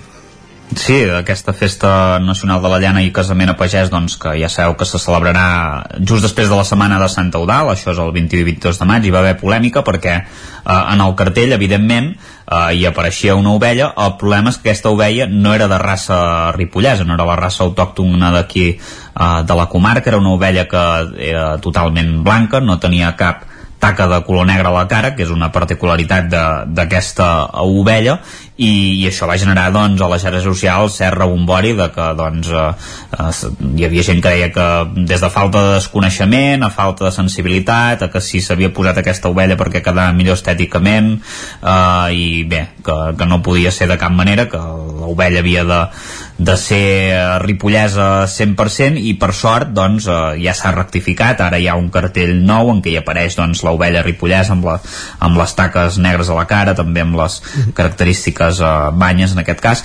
I, i s'ha pogut doncs uh, solventar aquesta polèmica que ha durat poc per sort, perquè a vegades també són d'aquelles coses que, que s'ha de tenir una mica més de cura i segurament doncs, eh, si s'ha pogut solucionar tan ràpid es podria haver mirat millor abans per, per acabar-ho de, de solucionar, que això I també fet, era el, el més important. L'ovella ripollesa no només és que sigui del Ripollès o que sigui de, de Ripoll, sinó que també és, és reconeguda per la, seva, per la qualitat de la seva carn, vull dir que no és pas un producte només pel fet que sigui del Ripollès, sinó que és un producte bo, a més a més. No? Sí, sí, sí, sí, sí és, és, és un producte destacat i per tant doncs, eh, bueno, sobta una mica doncs, que no, no s'hagués posat en una primera instància però almenys ara ja, ja s'ha solucionat i això és, és el més important. I el que també és important és que ja es comença a parlar d'aquesta festa de, de la llana i el casament de pagès no? que al final és del, del que es tractava Sí, sí, sí, exacte. De, de fet, eh, si voleu us explico que hi ha algunes novetats eh, previstes. Sí, aquest, any, eh, aquest any el casament a pagès serà real. Ja sabeu que a vegades hi ha actors que, perquè no hi ha nuvis doncs, per fer el casament i s'han de buscar actors. Aquest any serà real es casen Isabel Córdoba i, i Manel Vigara, també els padrins hem de dir-vos que han set fàcils de trobar, sobretot la primera perquè és la consellera d'Acció Climàtica, Alimentació i Agenda Rural clar, és l'exalcaldessa de Ripoll, Teresa Jordà, per tant, eh, ella està encantada de la vida d'haver pogut participar i ja ho va dir-ho, perquè evidentment quan era alcaldessa o quan estava de regidora no, no, hi, no s'havia donat l'ocasió.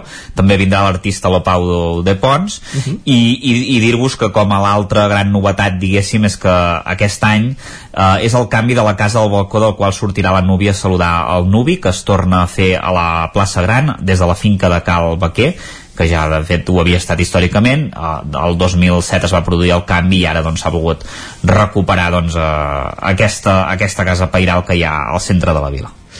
Perfecte Isaac, doncs moltíssimes gràcies. A vosaltres. Adéu. Parlem més tard, fins ara Isaac Montades a la taula de redacció parlàvem d'aquesta festa eh, típica de, del calendari ripollès, la festa de la llana i el casament a pagès. Amb això tanquem la taula de redacció i tot seguit el que fem al Territori 17 és parlar del temps.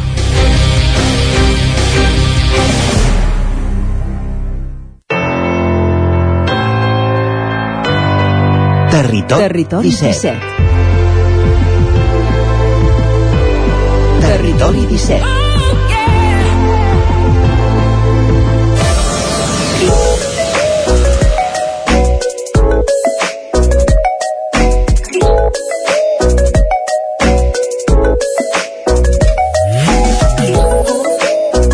Tres minuts que passen, dos minuts que passen de tres quarts d'onze del matí al territori 17. Avui ens acompanya, un, com fa un cop al mes, a Manel Dot de la xarxa d'observadors meteorològics de la comarca d'Osona. Manel, benvingut, bon dia. Hola, bon dia. Com estem? Bé, fa un bon sol, fa dia un... maco. Exacte. I, i seguirà pel que es veu. Seguirà? Sí, que, sí. després fem una repassada en tot cas del, del que pot passar. Uh, venim un mm. cop al mes el que ens portes les dades de, del mes anterior. Ara ja portem a més del tot el mes d'abril una setmana de maig per poder fer balanç de tot plegat. Uh, com primer de tot dades de, de, de l'abril. Com va ser aquest mes d'abril? Doncs eh, ha, estat una, ha estat fred, fred el que és eh, els primer, les primeres setmanes, la primera setmana d'abril doncs ha estat eh, bueno, una, una setmana amb temperatures mínimes de, de 5, 6 sota 0 eh, això, bueno, per exemple, si fem una repassada del que són les temperatures mínimes, sobretot els dies 2, 3 i 5, eh, va ser per la primera setmana, doncs, per exemple, a Baix de Bujons, eh, amb menys 5,7 graus, a Olost, al Lluçanès, menys 5,6, a Rupit, menys 6,1, menys 5,8 eh, també a Sant Martí Sescors, i a Vic, per exemple, amb menys 3 i mig. Eh, aquests 3 i mig eh, negatius, o sota 0, en un mes d'abril, eh, doncs és la, la tercera més baixa des del 1950 i per poca diferència, perquè, per exemple, la, les, els rècords que tenim són el 1967 i el 1986 amb menys 3,6 o sigui que va ser doncs, un començament d'abril que és a més de, de, de març que no pas de, o principis de març que no pas d'abril Ens estem refent per això, eh? Sí, home, i tant. I espera't, espera't, ara aquesta setmana serà, serà calenta. Molt bé. Continuem repassant l'abril, temperatures baixes, aigua n'hi va haver molt o no? Uh, fins a mig, bueno, pràcticament fins al dia 28, el 28-29, doncs uh, estàvem per sota la meitat de, del que li tocaria. O sigui, el mes d'abril, per exemple, aquí al centre, eh, solen caure com a mínim 60 litres per metre quadrat, eh, o sigui, mirant la climàtica, ens dona 60, 61 litres, crec que són més o menys. Eh, en portàvem 35-36, o sigui que el, el que passa que és, el que sol passar amb aquests, amb aquests mesos d'abril, maig, a juny, que no plou en tot el mes a lo millor i al cap de l'últim dia que, que, que tanques el balanç i que dius eh, aquest any no arribem, doncs aquest any eh, l'últim dia, el dia 30 doncs es va caure doncs, la, la meitat de la pluja de, de, que hi havia, no? o sigui vam sumar cap als eh, 50-60 litres per metre quadrat eh, depenent del punt, hi ha punts que ho va fer-ho més hi ha punts que ho va fer-ho menys però tot i així no vam arribar a la mitjana eh? almenys el que és eh, per, per pluja eh, destacaríem a Vic, per exemple, van caure 55,4 litres comptant aquests últims, aquest últim dia.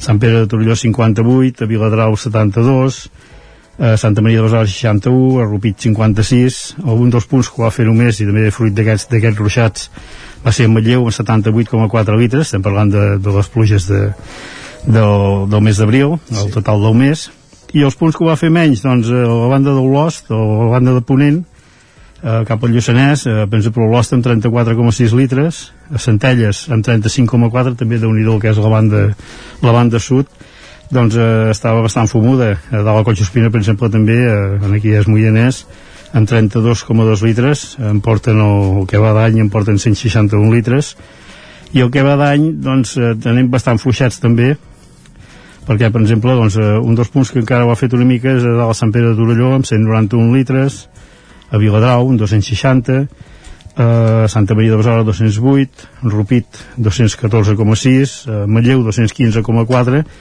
i hi ha doncs, una bona diferència, per exemple, en cas a Vic, a Vic portem 180 i alguna 188, em sembla que són uh -huh. els que han caigut de, de tot l'any, vull dir que és poc, poca aigua la que ha caigut. Però sí que més, si més no aquest mes d'abril o aquesta última setmana d'abril i la primera de maig que ara en parlarem en tot cas sí que han anat contribuint una mica a això a trencar amb aquesta dinàmica de sequera que portàvem de feia molts mesos, no? Sí, sí, sí. Home, a veure, el, el març va ploure, va ploure molt. Uh -huh. eh, l'abril va ser més eixut, més eixut eh, i el maig el començar l'any començat que cada dia un raig, però sembla que s'ha acabat, eh? S'ha acabat. sí. Eh, home, ahir déu nhi encara va fer un bon ruixat, el que passa que les pluges aquestes eh, de, tempesta doncs et deixen molta aigua en un cantó i molt poc amb l'altre, i per exemple ahir van caure doncs 19 litres de la Santa Eulàlia de Riu Primer, a la Guixa en queien 3, 3,4 i a Vic en queien 2,4 vull dir que bueno, són aquests ruixats típics a la Rupit per exemple en van caure 10 litres. Uh -huh. però bé, són ruixats que van regant a, a un cantó o l'altre i un lloc o altre doncs eh, almenys eh, ho arregla una mica Hem parlat del mes d'abril pel que fa a temperatures baixes, eh, mínimes, hem parlat Mhm. de, de, temper- de, de litres d'aigua de pluja. Què més destaca d'aquest mes d'abril meteorològicament parlant?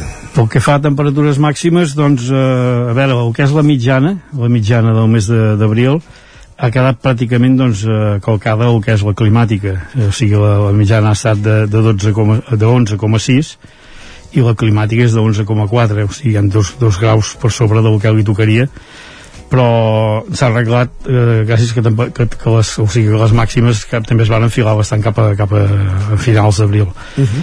eh, les màximes van estar entre 27 i 28 graus i, i van quedar la mitjana va quedar, va quedar doncs, eh, reglada, va quedar normal el que el que més a destacar doncs, eh, bueno, en principi destacaria les, les temperatures aquestes que deia fredes de principis d'abril eh, i el, la pluja doncs l'últim dia el ruixat que va fer que, en algun punt amb calamarsa i amb tempesta que déu nhi i, bueno, i destacar també el dia de Sant Jordi.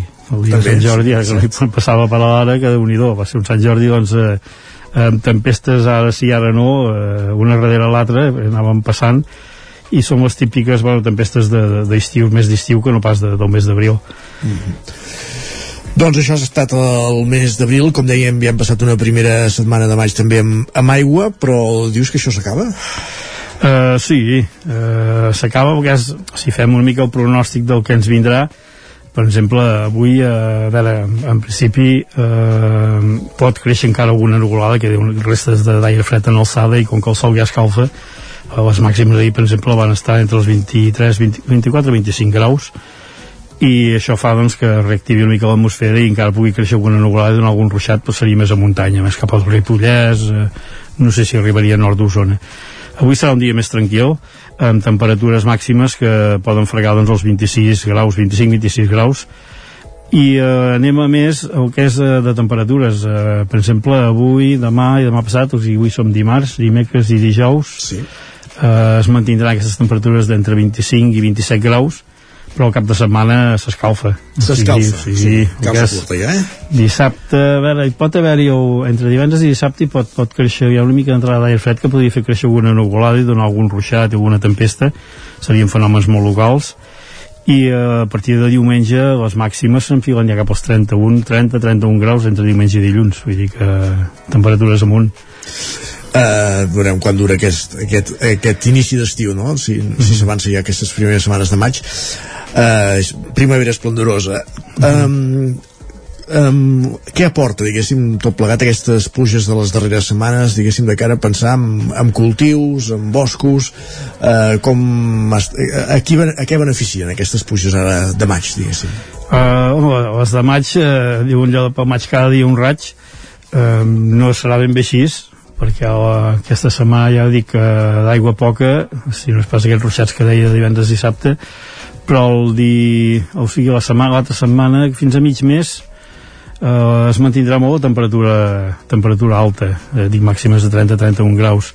Fins, a, fins al 23-24 no es veu un canvi allò que pugui ploure. Bueno, estem a maig, eh? vull dir Sí, que sí. això és un pronòstic, però ja saps què passa al maig, que millor entra una mica d'aire fred i tu fum tot l'aire.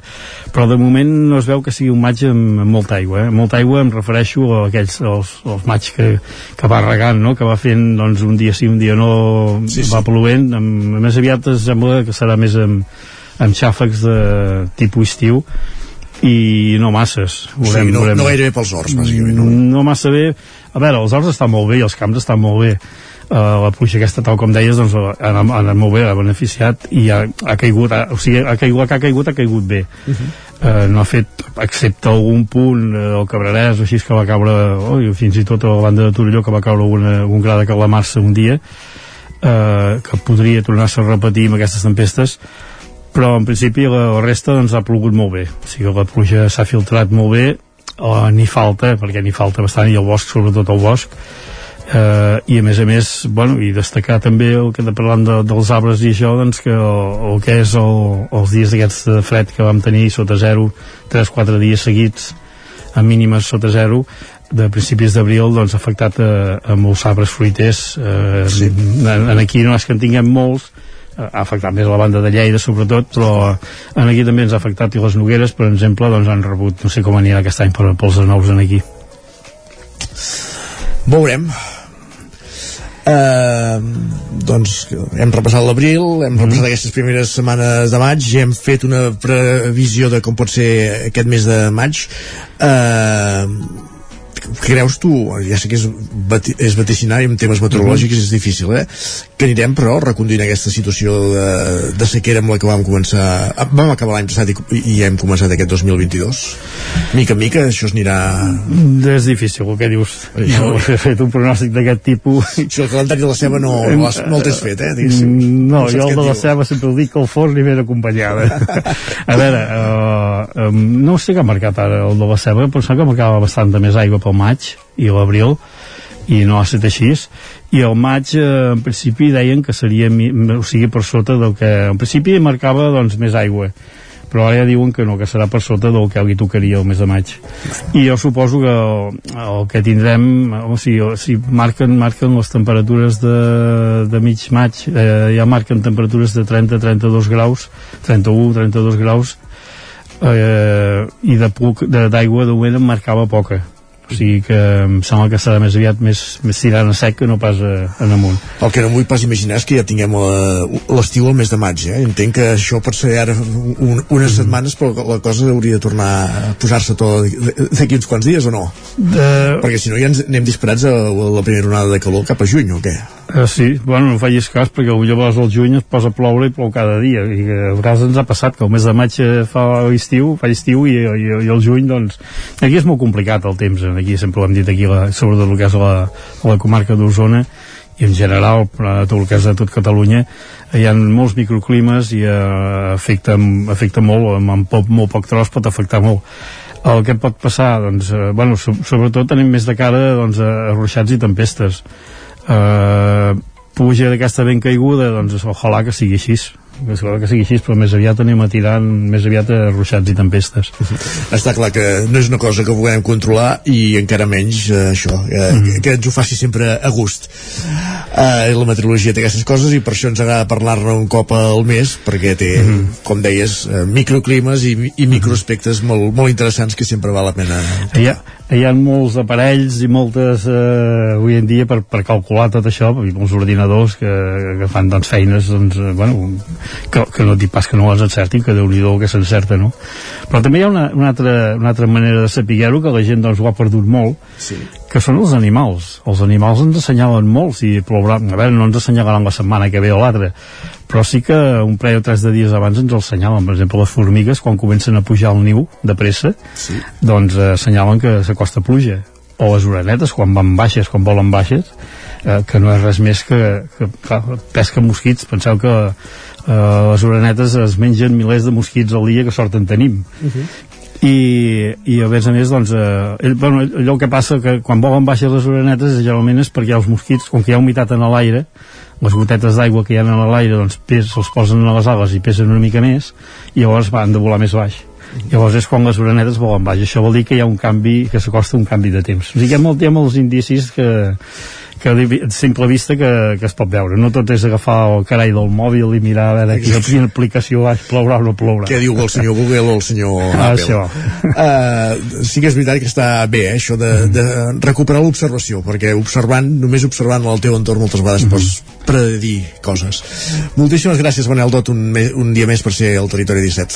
a vosaltres, molt bon dia D'aquí un meset, per veure com ha anat el mes de maig. Vinga, Perfecte. adéu-siau. Adéu. I ara el que fem nosaltres és avançar, continuem al Territori 17 quan passa gairebé un minut del punt de les 11 amb les notícies més destacades de casa nostra. Territori 17, amb Isaac Moreno i Jordi Sunyer.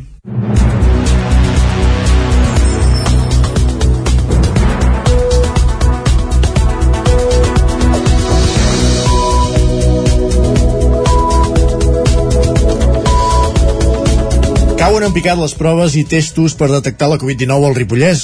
Isaac Muntades, la veu de Sant Joan. La situació epidemiològica del Ripollès continua estant força controlada des de fa algunes setmanes. L'índex de risc de rebrot se situa en 329 punts i la taxa de propagació del virus està per sota de l'1, concretament al 0,91 punts. A la comarca s'han confirmat un total de 43 casos de coronavirus per PCR i test d'antígens del 26 d'abril al 2 de maig, l'última setmana de la qual se'n tenen dades. El percentatge de proves positives també és força alt, ja que sobrepassa el 18% en poc més de 200 tests fets. El director de l'àrea bàsica de Ripoll, Sant Joan dels Abadeses i Camprodon, Pedro Cabrero, va explicar per què es feien moltes menys proves diagnòstiques que abans. És degut al canvi de protocol. Sabeu que abans es feien els cribatges, es feien les proves, es feien tal, i ara només es fan en els casos simptomàtics greus o en pacients greus. De fet, aquí, i toquem fusta, el geriàtric no ha rebut cap brot, però, per exemple, a l'àrea de Ripoll, de la qual també tinc notícia directa, sí que tenim alguna residència, dues centres que tenen brot, no?, i que s'ha de fer el cribatge. I ara no tenim tenim una informació tan precisa com la que teníem abans. Cabrero deia que els contagis es reduiran amb l'arribada definitiva del bon temps quan deixi de ploure i quan les activitats siguin a l'aire lliure. El doctor també va apuntar el cansament de la gent amb la mascareta. Tothom està molt cansat en les cultures de la mascareta i es relaxi amb l'ús de la mascareta, no? però ja sabeu que es- està obligat en determinats llocs, en centres sanitaris, en centres on hi pugui haver personal vulnerable, en transport públic i a criteri del Departament de Riscos Laborals. I això estan tenint problemes en, en fer aquest compliment perquè la gent està molt cansada de mascaretes. Per tant, és possible que tinguem algun brot. Jo espero que no sigui, que no sigui greu. Cabrero també va subratllar que segurament es vacunarà amb una quarta dosi a la gent més vulnerable de més de 80 anys a l'estiu o després del període estival. Per ara, al Ripollès ja hi ha 20.419 persones que estan vacunades amb la pauta completa del vaccí i 11.444 que han rebut tres dosis de la vacuna. A l'Hospital de Can Demano li continua havent 4 persones ingressades i s'han produït un total de 109 defuncions per Covid des de l'inici de la pandèmia. Gràcies, Isaac, del Ripollès a Osona, perquè Remei Reviu demana a l'Ajuntament de Vic que aturi les obres que estan a punt de començar a la plaça de la Noguera per construir-hi pisos. L'any 2011, l'Ajuntament va arribar a un acord amb els propietaris perquè el solar fos d'ús públic mentre no s'hi edifiqués. Remei Reviu reivindica l'espai pel barri i considera que hi ha hagut opacitat i manca de voluntat negociadora per part de l'Ajuntament. En una roda de premsa feta diumenge al migdia a la mateixa plaça de la Noguera, on hi ha delimitat l'espai que ocuparan els nous edificis que s'hi han de construir, Remei Reviu exigia a l'Ajuntament de Vic que aturi l'edificació. La plaça, ubicada en uns terrenys privats, ha funcionat com a tal des del 2011 per la sessió temporal per a ús públic que en van fer els propietaris mentre no s'hi edifiqués. Remei Reviu denuncia manca de voluntat negociadora de l'Ajuntament per mantenir la plaça, que amb el projecte dels nous blocs que s'hi faran passarà a ser molt més petita. Escoltem a Anna Palomeque de Remei Reviu. que s'aturi l'edificació de la plaça i que l'Ajuntament faci les gestions necessàries per poder disposar d'aquest espai en benefici comunitari i públic i que no s'usi per interessos privats. Remei Reviu considera que hi ha hagut, a més a més, tracte de favor per part de l'Ajuntament a empreses privades i denuncia ambigüitats amb la titularitat de la plaça. Segons el col·lectiu, el mateix dia que es va aprovar la llicència d'obres, el terreny va canviar de propietari i va passar de panificadora alimentària a RJ Moles, que vinculen totes dues a Casa Tarradellas. Remei Reviu tampoc comparteix que als baixos de les noves edificacions s'hi instal·li la Universitat de Vic, que té previst traslladar-hi la seu del sud de Vic i ubicar-hi el Centre de Recerca en Educació, la coordinadora del voluntariat d'Osona i part del Centre d'Estudis Sanitaris i Socials. Escoltem per aquest ordre a Carles Alfonso Cols i a Marc Canyelles. I sorprenentment el mateix dia, el 25, el dilluns que s'aprovava l'Ajuntament la llicència d'obres, eh, es feia una compra-venda entre Panificadora Alimentària SL, que és una de les empreses de l'entramat de Casa Terradellas, i és JR Moles, que serà la constructora, que ha fet moltes d'aquestes naus de Casa Terradellas, bueno, són com, bueno, treballen junts, sí.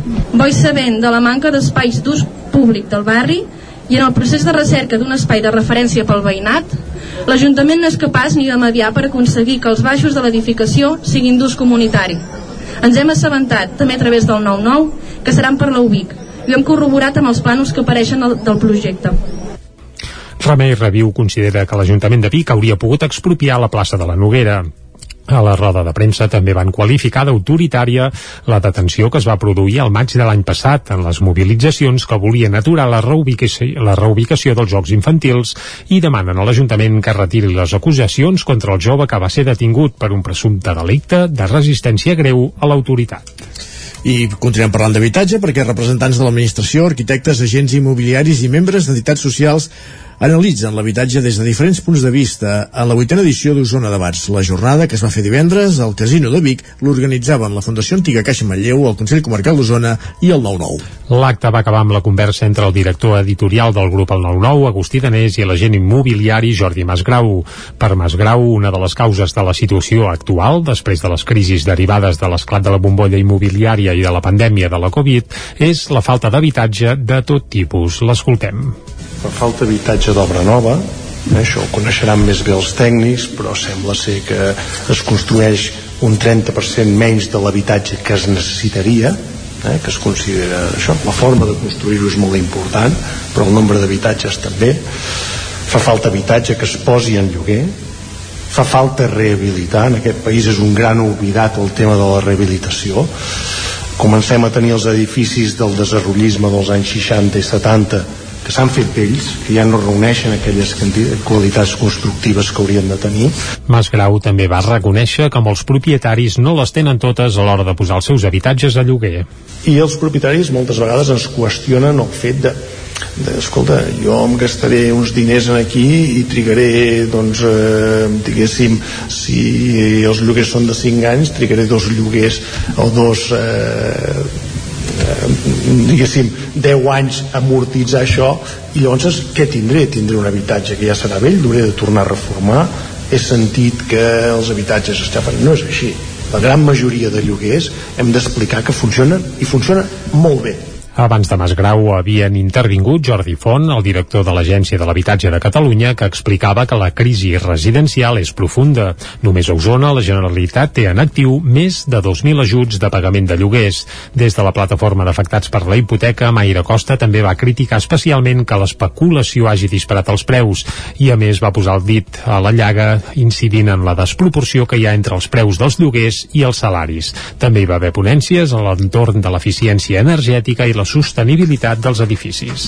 Des de dijous i fins diumenge es va celebrar al Palau Sant Jordi de Barcelona la Fira Biocultura, una mostra que plegava les principals novetats dels productes ecològics. Un futur més verd i més sostenible és també el que busca el restaurant vegetarià de Cardeu Es Biosfera, que porta els aliments directament de l'hort a la taula amb una- una producció literalment de quilòmetre zero.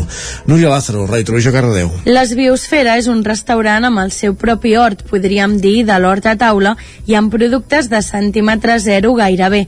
Aquest projecte va començar l'any 2010 com a gestió d'un hort de 1.200 metres quadrats, creant una cooperativa de consum que ara porta el nom de la Fresca i agrupa unes 130 famílies que confien en l'agricultura local i ecològica. Un any més tard decideixen obrir el restaurant vegetarià on s'hi consumeix el producte principalment de l'hort, on s'hi planten tomàquets, enciams, albergínies, porros, pastanagues i un llarg etc que després veiem a la carta de les Biosfera. La carta del restaurant, per tant, no la marca un supermercat o un mercat, sinó el seu propi hort. Jordi Bonet, d'Esbiosfera. La part eh, de l'estiu és la que més ens engresca perquè és quan produeix més el nostre hort. El nostre hort plantem 40 varietats de tomàquet aquest any, parlem, parlem, plantem diverses varietats de pastanaga, diverses varietats de remolatge. Plantem allò que el capitalisme i la globalització ho han descartat per poc productiu, per poc transportable i perquè no li agrada les càmeres frigorífiques. Nosaltres intentem redescobrir els sabors a través dels vegetals i molta gent quan eh, arriba aquí doncs ens diu mira, no m'hagués pensat mai que hagués menjat tan bé sense tenir que consumir animals. El restaurant està obert d'abril a octubre a l'espai de les Biosfera, amb una pèrgola natural.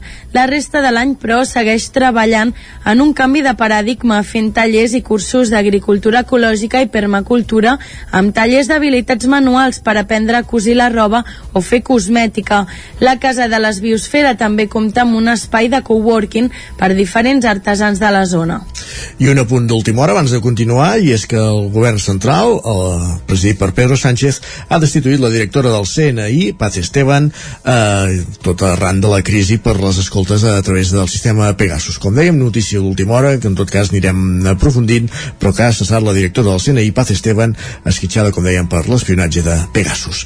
Més qüestions. Arriba una nova edició del Festival de Música Clàssica de Vigues i Riells del FAI. El certamen es farà els dies 13, 21, 28 i 29 de maig i es podrà gaudir de propostes musicals molt transversals com les de No Celos, que obrirà el festival el dia 13. Ona Codinenca, que era el campàs. El Festival de Música Clàssica torna a Vigues i Riells del FAI per omplir el Teatre Auditori Polivalent, el Parc de Can Badell i l'Església de Sant Vicenç. Jesús Cano és regidor de Cultura. Uh, aviam, uh, el format són quatre concerts com els altres anys.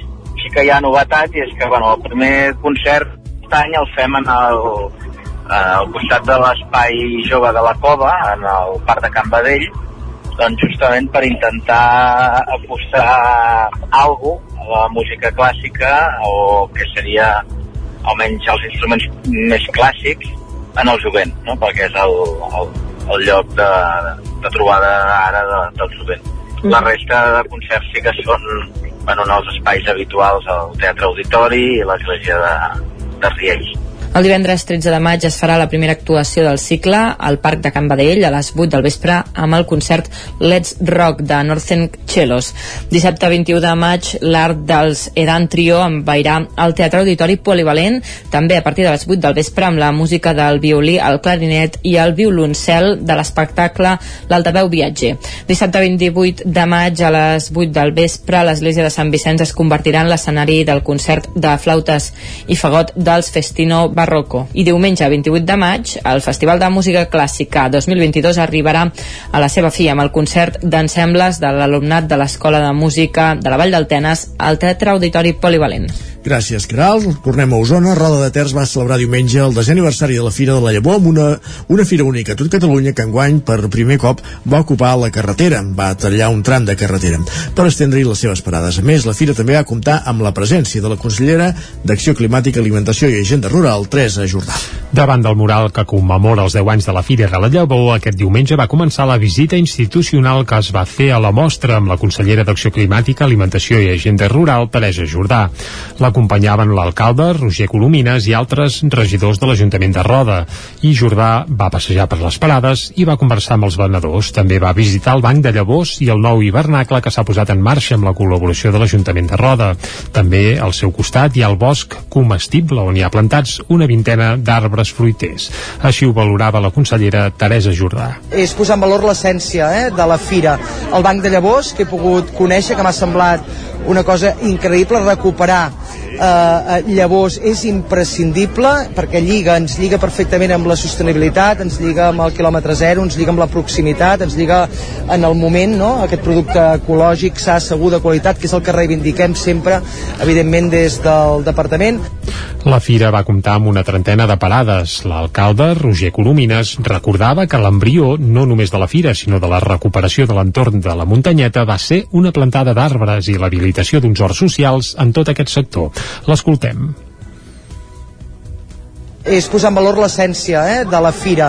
El Banc de Llavors, que he pogut conèixer, que m'ha semblat una cosa increïble, recuperar eh, llavors és imprescindible perquè lliga, ens lliga perfectament amb la sostenibilitat, ens lliga amb el... La muntanyeta, i passem diàriament als rodencs i rodenques quan el veiem, i per tant, eh, el 2012 el que vam voler és que, que els rodencs veguessin aquest espai, i per tant vam començar a gestar aquest parc de la muntanyeta, vam començar amb uns horts socials el 2012, la fira el 2013, per tant estem al 2022, desena edició, plenament consolidat aquesta proposta, una proposta singular, amb valors i, i que per tant avui ho veiem, és a dir, amb aquesta concurrència, amb una trentena de parades absolutament consolidada ja en el, en el, en el mapa, ja no tan sols usonenc sinó català, Ara sí, aquesta darrera veu era la de Roger Coromines, alcalde de Roda. Una de les grans novetats, per cert, de la desena edició de la Fira de la Llavor de Roda de Ter va ser precisament la disposició de les parades que van ocupar un tram de la carretera just al peu de la muntanyeta, de manera que el trànsit es va desviar per dins dels polígon del Puig Vell. Organitzadors i Ajuntament valoraran si aquesta iniciativa es manté de cara a properes edicions. Acabem aquí aquest repàs informatiu quan passa mig minut d'un quart de dotze. Tot seguit al Territori 17 parlem d'economia. Territori 17. Envia'ns les teves notes de veu per WhatsApp al 646 079 023. 646 079 023. WhatsApp Territori 17.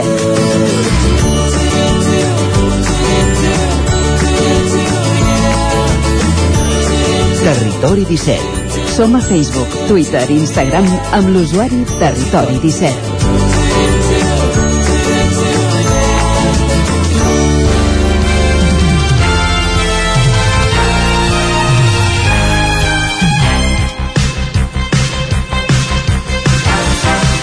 Com cada dimarts a aquesta hora el que fem és parlar d'economia, d'aspectes econòmics. Avui en companyia, com cada març, de fet, en Joan Carles Arredondo, el cap d'Economia del 9-9 del Vallès Oriental. Bon dia, Joan Carles. Bon dia. I avui per parlar de la situació econòmica de l'estat espanyol a partir de les dades del PIB. Sí, eh, diguem-ne que la conclusió que s'arriba amb, amb tot un seguit d'indicadors que, que han anat sortint els últims dies és que mm, totes les crisis tenen efectes devastadors i són efectes devastadors en general, eh? però que en el cas de l'estat espanyol, diguem-ne, doncs encara són pitjors i diguem-ne que amb això, eh, ja, ja et poso un seguit de dades que ho indiquen, Uh -huh. però diguem-ne que els que han sortit darrerament eh, eh, doncs són bastant significatius eh, quan es fan referència al, a l'evolució de, del PIB per càpita, és a dir, eh, diguem-ne, de tota la producció que hi ha, que té un país, diguem-ne, com es reparteix per cada habitant que té, no? En, I, diguem-ne, l'evolució es mesura també tenint en compte altres factors, com per exemple l'índex de preus de consum, que, que diguem-ne que fa que la riquesa aquesta mm, la, la teva capacitat de compra sigui inferior, etc. No? I per tant es fa aquest, eh, aquest mecanisme corrector. Doncs bé, el 2022 els espanyols tenen menys PIB per càpita que el 2008. Mm, Els, els estudis aquí no, no del tot coincidents, però en tot cas demostra que mm, allò que en deien dècades perdudes, eh, que, anava la, que va començar el, 2000, el 2008 amb la, amb la crisi amb la crisi financera, eh, allò que comença amb la caiguda de Lehman Brothers i l'esclat de la bombolla immobiliària, etc. Es parlava de dècada perduda, doncs estem ja dècada i mitja perduda i si les coses no milloren podríem estar parlant de dues dècades perdudes, eh? En, en el sentit de... no n'aprenem-nos, el PIB creix, eh, si, no, si no milloren les coses, mm, de moment portem dècada i mitja i ja no falta tant per completar-ne dues, no? Uh -huh. Eh, per tant, diguem-ne que si, si hi ha un PIB per càpita inferior al que hi havia el 2008, sobretot si es fa tot el factor de correcció dels IPCs que hi ha hagut durant tots aquests anys, eh, recorda que doncs, els espanyols, eh, i, i això Ens inclou. de, de moment, malgrat tot, encara ens inclou, no?, diguem-ne, Sí, sí. eh, doncs són més pobres. Eh, en el mateix sentit, la confluència amb mitjanes europees, això era la, una de les primeres dades, eh? deien que n'hi hauria tres, doncs la primera és aquesta, també tenim la confluència amb les mitjanes europees que s'havia anat aconseguint amb l'entrada en vigor, sobretot arran de l'entrada en vigor de l'euro, eh? S'ha- s'ha- s'havia anat acostant a la mitjana espanyola, s'havia anat acostant a l'europea, doncs eh, s'ha frenat eh, des, de, des del 2008, eh, amb aquella crisi financera i també amb la crisi del coronavirus. La distància entre la mitjana dels països de l'eurozona és la mateixa que hi havia a començament de segle, eh, que és de gairebé 30 punts percentuals. I la tercera dada és més recent, amb l'indicador del descens del PIB per càpita en el primer any de la crisi del coronavirus. Eh, Espanya, el, aquest PIB per càpita va, va baixar al doble que la mitjana europea. Mare Déu. Probablement és el que pitjor les coses, després. Pocs països europeus poden presumir d'haver superat els forts cops eh, que va suposar les dues crisis, eh, tant, tant la financera del 2008 com la del coronavirus, eh, en suficiència, però mentre alguns mostren una certa solidesa que els permet aturar l'impacte, eh, primer aturen l'impacte i després engeguen un camí del creixement, els països del sud, sobretot els països del sud europeu, i aquí és on, on s'emmarcaria Espanya, no?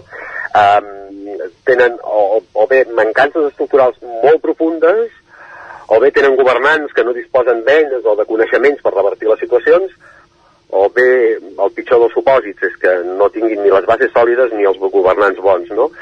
I això pot apuntar una mica quina podria ser l'explicació de tot plegat.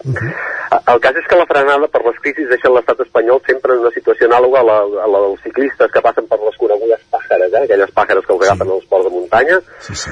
es queden clavats i van veient com els rivals els superen eh, i no tenen esma per posar-se per seguir-los. Eh, ha estat així en països mm, ha estat així com països amb menys trajectòria a Europa, per exemple Eslovènia o Xipre, i han superat Espanya en PIB per càpita. Uh, els països de l'est poden estar experimentant un efecte similar al que va, venir, el que va tenir Espanya els primers anys d'accés a la Unió Europea, eh? Uh, tant, tant l'entrada a la Unió Europea com a la zona euro, um, perquè, diguem-ne, que quan entres a Europa uh, normalment venen ajuts estructurals europeus que ajuden eh, una mica a, a posar-te, diguem-ne, més al dia. Mm, també es pot donar la circumstància que aquests països europeus estiguin sabent aprofitar millor la conjuntura que, que comporta aquests fons estructurals, que no pas Espanya, que va arribar, que quan van arribar els grans fons els va destinar a infraestructures dubtoses, eh? no tothom tots recorden els avis que es portaven en lloc, etc i que van contribuir també a inflar la bombolla constructora de l'esclat, eh, l'esclat del qual va portar unes conseqüències que encara, encara estem pagant avui. No?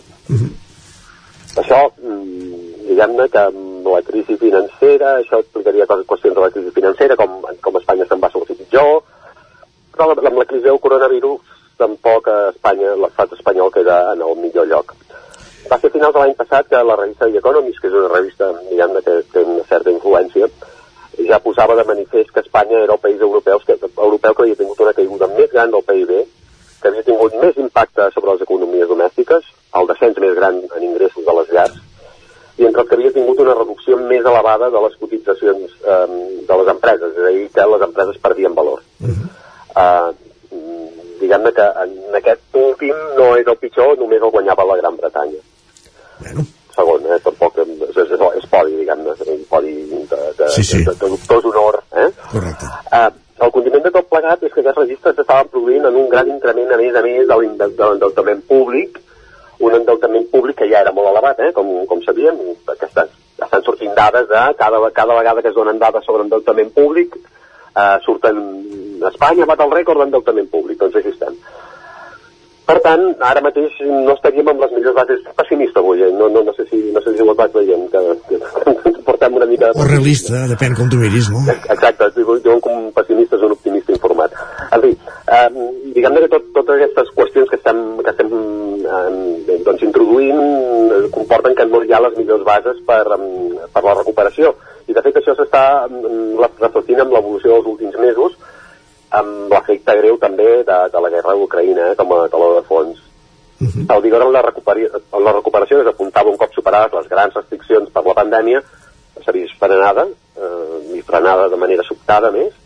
És cert que hi ha turbulències in internacionals incontrolables, eh, els increments dels costos energètics, les dificultats de subministrament de primeres matèries, però de nou la crisi està sacsejant amb més força l'estat espanyol que els socis europeus, una vegada més. No? Ara, l'altre dia van sortir les dades del primer trimestre del PIB i indicaven que ha crescut un 6,4% interanual tant a Catalunya com, com a l'Estat. Eh, Diguem-ne que un 6,4% de creixement és una xifra respectable, eh? Sí. També, també és veritat que no és gaire difícil trobar els motius d'aquest fort creixement. En el cas de Catalunya prové dels serveis, perquè en el primer trimestre de l'any passat estaven encara bona part d'aquests serveis en estat d'hibernació, eh? la, la restauració sota mínims, sense oci nocturn, amb les fronteres molt limit, amb, amb, amb pas molt limitat de turistes. Per tant, no és estrany que els serveis s'hagin enfilat a Catalunya en aquest primer, en aquest primer trimestre respecte de fa un any en un 8,9%, és una xifra molt elevada. Eh? Sí. Eh, és la causa principal per la qual es creix per sobre la mitjana europea si es compta la taxa dels últims mesos. La dada significativa per això és que el creixement mínim trimestral, eh? Catalunya només un 0,1% respecte del trimestre anterior, Espanya una mica més, un 0,3%, per si mirem la mitjana europea, aquí ja torna a guanyar ja la mitjana europea, eh? la Unió Europea, 0,4%. És veritat que, que es pot percebre que l'abril haurà estat lleugerament millor que el març perquè el turisme amb la Setmana Santa com a principal exemple eh, haurà empès l'economia però és simptomàtic que la indústria estigui molt ressentida pel context internacional sense gran capacitat de reacció i això torna a a ser un indicador que probablement les bases eh, que, que, que té l'economia eh, no estan en la mateixa disposició que els socis europeus. Està clar.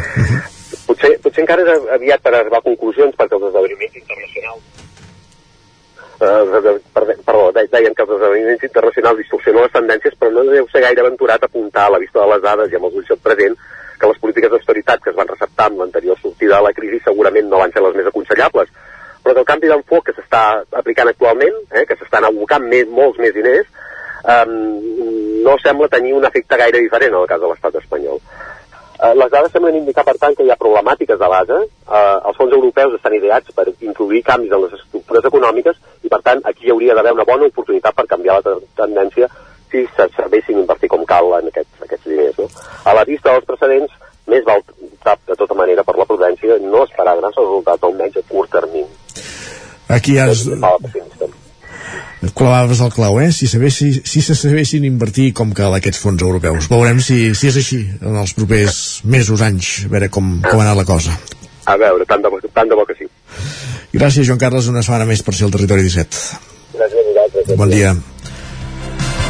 Doncs dades econòmiques, dades de macroeconòmiques amb les que ens portava avui en Joan Carles, amb aquest creixement molt modest de l'economia espanyola i catalana en el primer trimestre del, dos, del 2022 i en aquest context de, de situació econòmica ara marcat també per la crisi d'Ucraïna doncs que, que no ajuda a fer reflotar l'economia. Més qüestions al Territori 17. Fem una petita pausa tot seguit, passarem per l'R3 i acabarem el programa amb el Territori Dona. 3 minuts i tornem fins ara mateix. El nou FM, la ràdio de casa, al 92.8. A la Clínica Dental Sant Fortià hi trobareu un equip professional que treballa de manera coordinada per oferir un tracte sensible i humà. Estem preparats per qualsevol urgència dental i oferim accions preventives per la tercera edat i els infants. El doctor Ramon Garcia, implantòleg de Barcelona, fa 10 anys que visita Torelló. Clínica Dental Sant Fortià. Ens trobareu a la plaça Sant Fortià número 9 de Torelló al 93 859 6408 i al 690 92 51 99. El racó de León ja és primavera. Gaudeix de la nostra terrassa. Vine a tastar les xuletilles de lechal a la brasa amb una bona amanida o el xuletón de vedella gallega. No et pots perdre el nostre lechado de Castilla al forn o el cochinillo a l'estil de Segovia. Tot acompanyat del millor celler, al menjador o fora la terrassa. Descobreix la millor cuina de lleó sense moure't de casa. Vine amb la família, els amics, la parella o sol. T'encantarà. El racó de León, cuina tradicional lleonesa i de mercat. Som al carrer Torelló número 35 de Vic. Per reserves, telèfon 93 889 1950. El racó de León, una cuina diferent. Aquest mes de maig viu la cultura i la literatura a Folgueroles, al poble natal de Verdaguer. Del 13 de maig al 12 de juny, la Festa Verdaguer et porta conferències, rutes literàries, xerrades, concerts i actes populars d'homenatge al poeta. No et perdis Arnau Tordera amb el juglar a l'església de Folgueroles, la primera mostra de glosa o el tradicional arbre de maig i els ballets i danses tradicionals. Consulta tots els actes a verdaguer.cat. Cobertes serveis funeraris. Els nostres tanatoris estan ubicats en els nuclis urbans més poblats de la comarca d'Osona per oferir un millor servei. Tanatori de Vic, Tanatori de Manlleu, Tanatori de Centelles i Tanatori de Roda de Ter.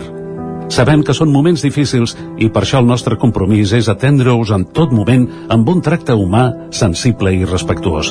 Cobertes serveis funeraris. Telèfon 24 hores 93 883 23 46.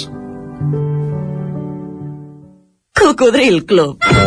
Si t'agrada la bona música dels anys 60, 70 i 80, escolta el 9 FM als matins de dissabtes i diumenges d'11 a 1.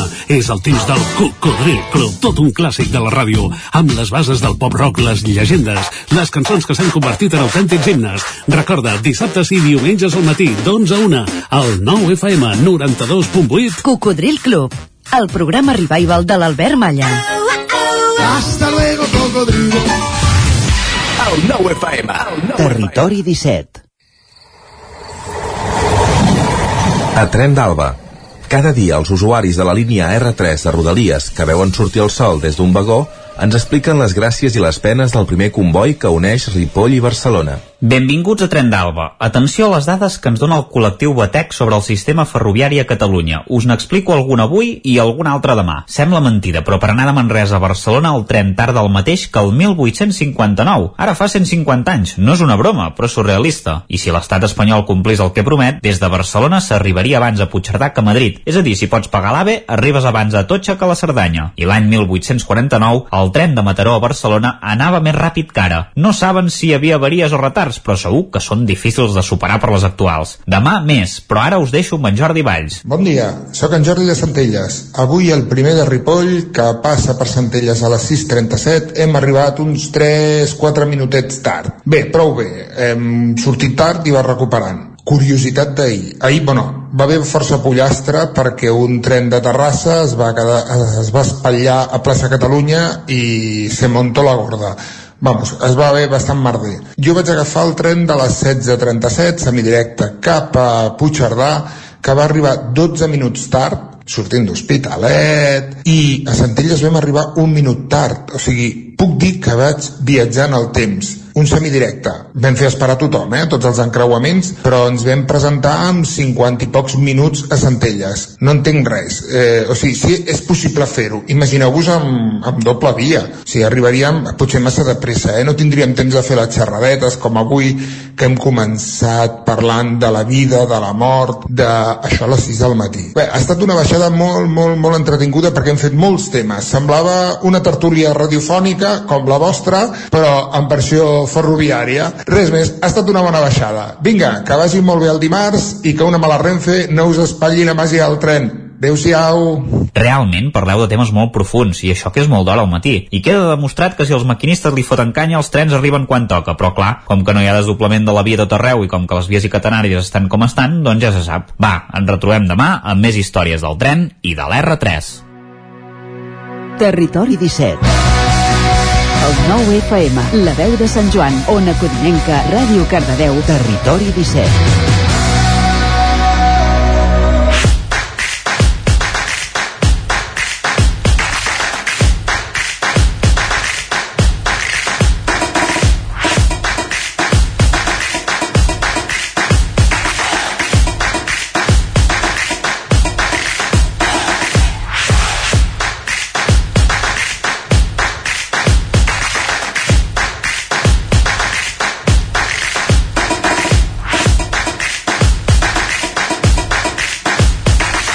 3 minuts que passen de dos quarts de 12 i al territori 17 ens endinsem com cada dimarts una setmana més al territori dona.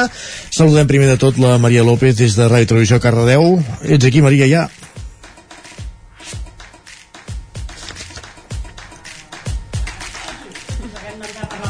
Ja, va.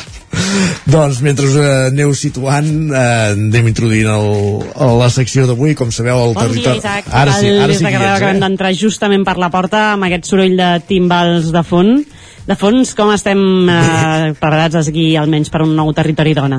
molt bé pren posició, eh, reposa, que llavors ja Sí, sabem sí, que tenim problemes eh, de respiració allò perquè Volant, el, els timbals ens han donat el marge d'entrada, però hem fet allí una cursa contra rellotge per, per arribar a temps, eh? Perdona, és que ens estàveu avisant per, pel xat intern, expliquem-ho, eh, que, que estàveu obrint la porta de la ràdio, clar, pensava que tu ja eres a dintre, que el que estava obrint la porta era el tècnic, per, per tant he entès que el, el, el, el tècnic obrir la porta ja era dins, per tant no. Eh, Però va, ja que està. obert la porta i hem entrat tots i ens hem assegut, així, Molt però va, ja estem, ja estem preparades. Perfecte, va. Qui sou? Explica'ns avui de què parlarem. Doncs mira, arribem preparades, com et deia, hi ha moltes ganes de fer tertúlia per posar sobre la taula aquests temes al voltant de la lluita feminista i també per fer obrir els ulls sobre aquells masclismes que molts cops passen per des- desapercebuts i que per desgràcia segueixen calant a la nostra societat. I a la tertúlia d'avui m'acompanya des del Nou Ràdio l'Ester Rovira. Bon dia, Ester. Bon dia. I des de Cardedeu tinc aquí al meu costat també a la Susana Cabiscol. Bon dia, Susana. Hola, bon dia. Doncs avui per començar la tertúlia rescat un tema que sortia la setmana passada a diversos mitjans de comunicació i és que el Centre Plural, que és un centre municipal de la ciutat de Barcelona coordinat per la regidoria de Feminismes i LGTBI de l'Ajuntament, ha posat en marxa Pensar-nos. Eh, sota aquest nom es presenta el primer curs presencial obert a la ciutadania sobre noves masculinitats. I us preguntareu, què es fa en un curs així? Doncs mireu, per exemple, la segona sessió, per posar-vos un exemple, anava dedicada al rerefons masclista que hi ha eh, amb les floretes i comentaris eh, teòricament positius sobre el cos de la dona. I també anava dedicat al mansplaining, que és un concepte que a mi m'ha al·lucinat i que he conegut aquest matí, que ve bàsicament d'unir les paraules man en anglès i explaining, i que parla d'aquella presumpció moltes vegades per part d'alguns homes eh, com, com que han d'explicar les coses a les dones amb aquell paternalisme una mica i aquesta protecció, no? Com jo he vingut aquí per explicar-te com funcionen les coses. En una altra sessió, per exemple, s'ha mirat d'identificar els privilegis que tenen els homes pel fet d'haver estat socialitzats com a homes en si. El curs en general tracta d'oferir alternatives al model de masculinitat predominant vinculat a trets com la valentia, la fortalesa o la in invulnerabilitat. En aquest curs, ara mateix, perquè us fa una idea, són una vintena de persones, entre homes i dones, tot i que s'han inscrit una cinquantena aproximadament. Jo els volia eh, consultar les meves companyes, eh, Susana Ester, no sé com veieu que es facin aquests cursos, si penseu que tindran o no èxit, i qui creieu vosaltres que haurien de participar en un curs com aquest? Ester, com ho veus tu? Uh, bueno, això és d'aquelles coses que uh, tant de bo no s'haguessin de fer, no? Però és la prova que, que estem, doncs, anys llum del que hauria de ser uh, una societat, uh, no?, plural, uh, moderna, i, i per tant, doncs, bé, uh, que algú hagi considerat que, que calen aquests cursos és perquè segurament, doncs, hi ha, hi ha molta feina a fer, perquè justament això que, que estaves dient, eh, um, doncs, des de comentaris uh, que en principi són floretes, però que, que sempre van orientats a, al cos de, de la dona, eh, el paternalisme o, evidentment, els privilegis que tenen els homes eh, avui en dia eh, són eh, masclismes, per no dir eh, micro, perquè alguns no són grossos, eh, que els tenim molt presents no? en la nostra societat, per tant, eh, segur que, que funciona, eh, i penso que segurament passar-hi hauria de passar a tothom, perquè molts homes no en són ni conscients que moltes vegades moltes de, de les seves actituds eh, poden ser ofensives, no? I, i per tant, d'entrada, eh, poder-hi passar segurament hi hauria de, de passar tothom eh, eh, i el que s'hauria de fer segurament també és, és actuar més de base no? eh, ja a les escoles perquè no s'hagin d'arribar a fer cursos per adults, per homes no? però bé, com que hi ha molta feina per fer doncs eh, segurament hi hauria de passar bastant tothom que, que no sabem ni per on començar, no? no Hauríem d'incorporar quasi que dintre de la formació obligatòria de, de secundària. Susana, com veus tu aquests cursos? No sé si coneixes algú que n'hagi fet algun, eh, d'aquests cursos? No, de fet em sorprèn bastant que hi hagi cursos d'aquest tipus, que no està malament, o sigui, és surrealista que hagin d'existir, però ja està bé que existeixin i jo, abans de que ho diguessis, t'anava a preguntar si hi havia hagut inscripcions o no i quanta gent s'havia s'havia inscrit. I no sé si, si apareix també de quines edats o, o quines edats està, està encarat. Mira, ho he intentat buscar, sí, la veritat eh, he estat allò investigant, només he trobat que eren una vintena, o sigui, s'havien inscrit com més de 50 que bé, ja no està mal. Si parlem de tota la ciutat de Barcelona discutible que sigui una gran xifra però bé, ho anunciaven almenys com un gran èxit i hi havia 20 persones que l'estaven cursant entenc que pel nombre de places que tenien. El que passa és que posava entre homes i dones i aquí ja m'ha picat el nas, he pensat, a veure d'aquests 20 si ens trobem que 15 són dones ja tenim un problema, perquè al final eh, que també, eh, evidentment també es donen molts masclismes entre el públic femení però seria interessant saber quants homes s'han apuntat. I he intentat trobar-ho, no he trobat aquesta xifra, només he trobat una foto d'una classe i en aquella foto igual ja sortien 7 persones de les quals 5 eren homes, dues dones. Que s'hagin posat per o no per la foto això ja és un altre tema en el que no voldria entrar no sé com ho veus tu. Sí, és un altre tema que potser estava ja pactat Um, bé, no sé, o sigui, si són de fet 20 persones o 50 no, que s'havien volgut inscriure, 20 que participen, en, en veritat ja és un, un gran què, si són tot homes, perquè són homes que se n'adonen no, realment que necessiten aquest curs i que realment no estan bueno, que els hi fa falta per, per poder seguir no, integrats de la societat en la que vivim, bàsicament ja, ja diu molt, no?, d'alguna manera, d'una voluntat Exacte, sí, sí. De, de canvi en aquest sentit. Uh, un dels temes que us deia que es tractava amb la segona sessió i que a mi m'ha semblat superinteressant, no sé si vosaltres ja el coneixíeu, és aquest concepte, el mansplaining, que, que no sé, a mi d'alguna manera tenia molt clar que existia, que es donava aquest paternalisme, però m'ha al·lucinat que existeixi ja com a concepte clar identificat. No sé si us heu trobat sovint, Esther, en el teu cas, eh, amb aquestes actituds per, per part d'homes de, del voltant, no? del jo vinc a explicar-te eh, com funciona X?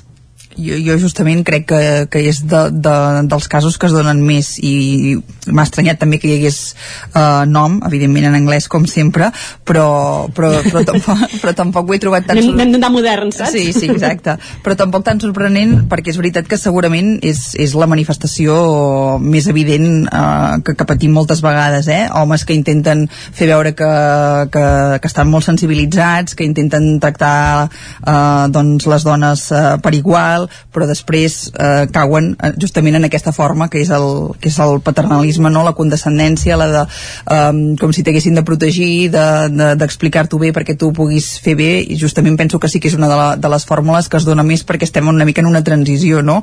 en què sí que hi ha doncs, cada vegada més persones conscienciades, però cauen en aquesta fórmula que justament és allò de um, i tant, uh, les dones uh, endavant amb tot, no? però, però jo ja t'explico com es fa, i això penso que, que justament sí que, que hi és molt, molt present no? I, i per exemple doncs, em deies en el meu cas concret jo que em dedico en l'àmbit de, dels esports eh, que és un món doncs, eh, molt masculinitzat ja ho has dit tot, no? Sí.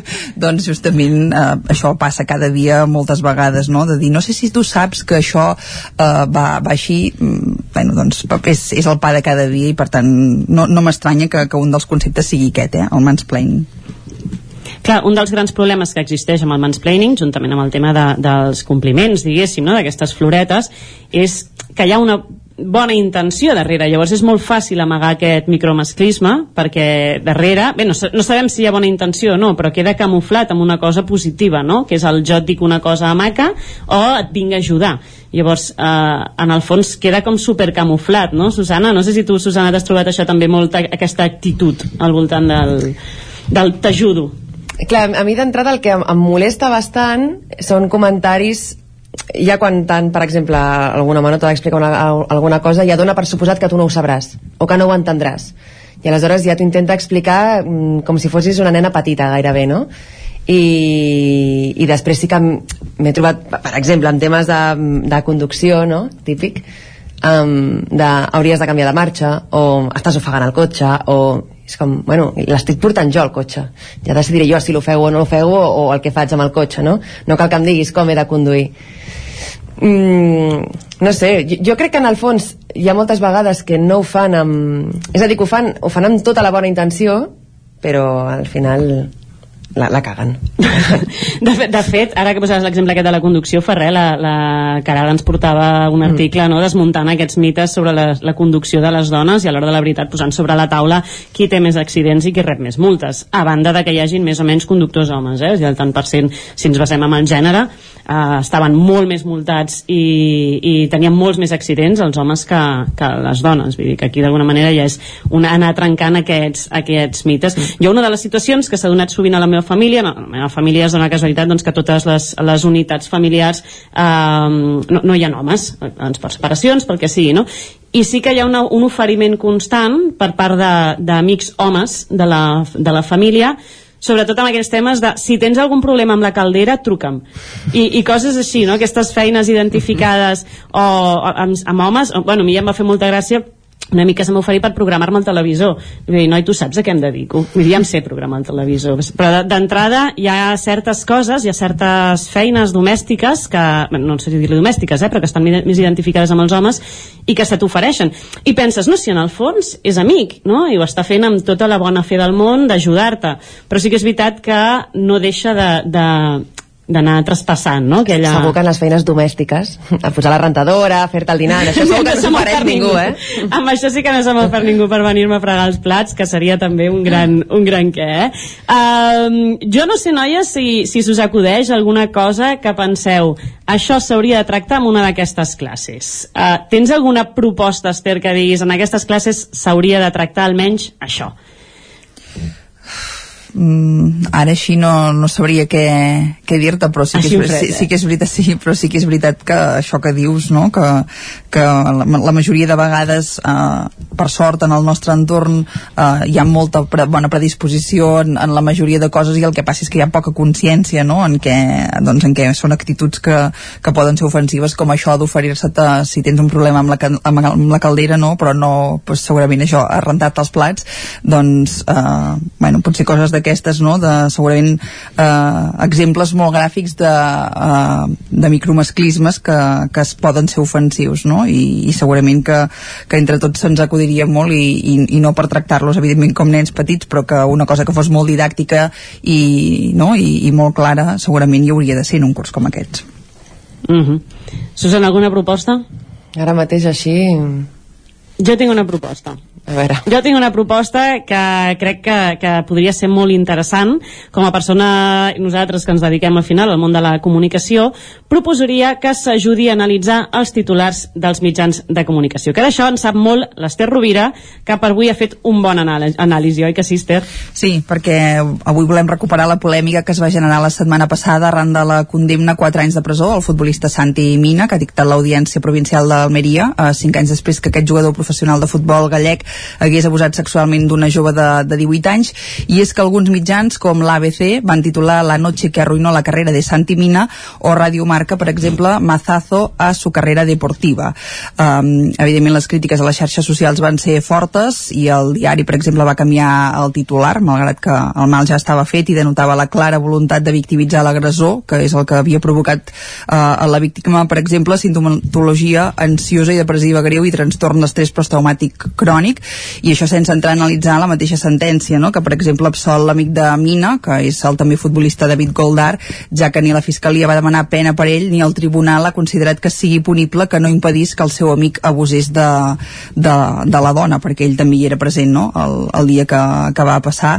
Um, no sé com, com vau viure vosaltres la, la polèmica aquesta la, la, setmana, la setmana passada quan es va conèixer la, la sentència, però, però sí que és veritat que, que són titulars uh, tant en un cas com, com en l'altre i que a més a més després van reproduir molts digitals uh, doncs que, que denoten que, que hi ha un, un problema gravíssim no? uh, sobretot al voltant d'estrelles de, de i, i figures de, de l'esport uh, doncs que ten, es tendeix a protegir-los no? per ser qui són, per, per la repercussió de la, de la seva figura i, i per tant en tot cas se'ls victimitza amb ells en comptes de, de la noia no?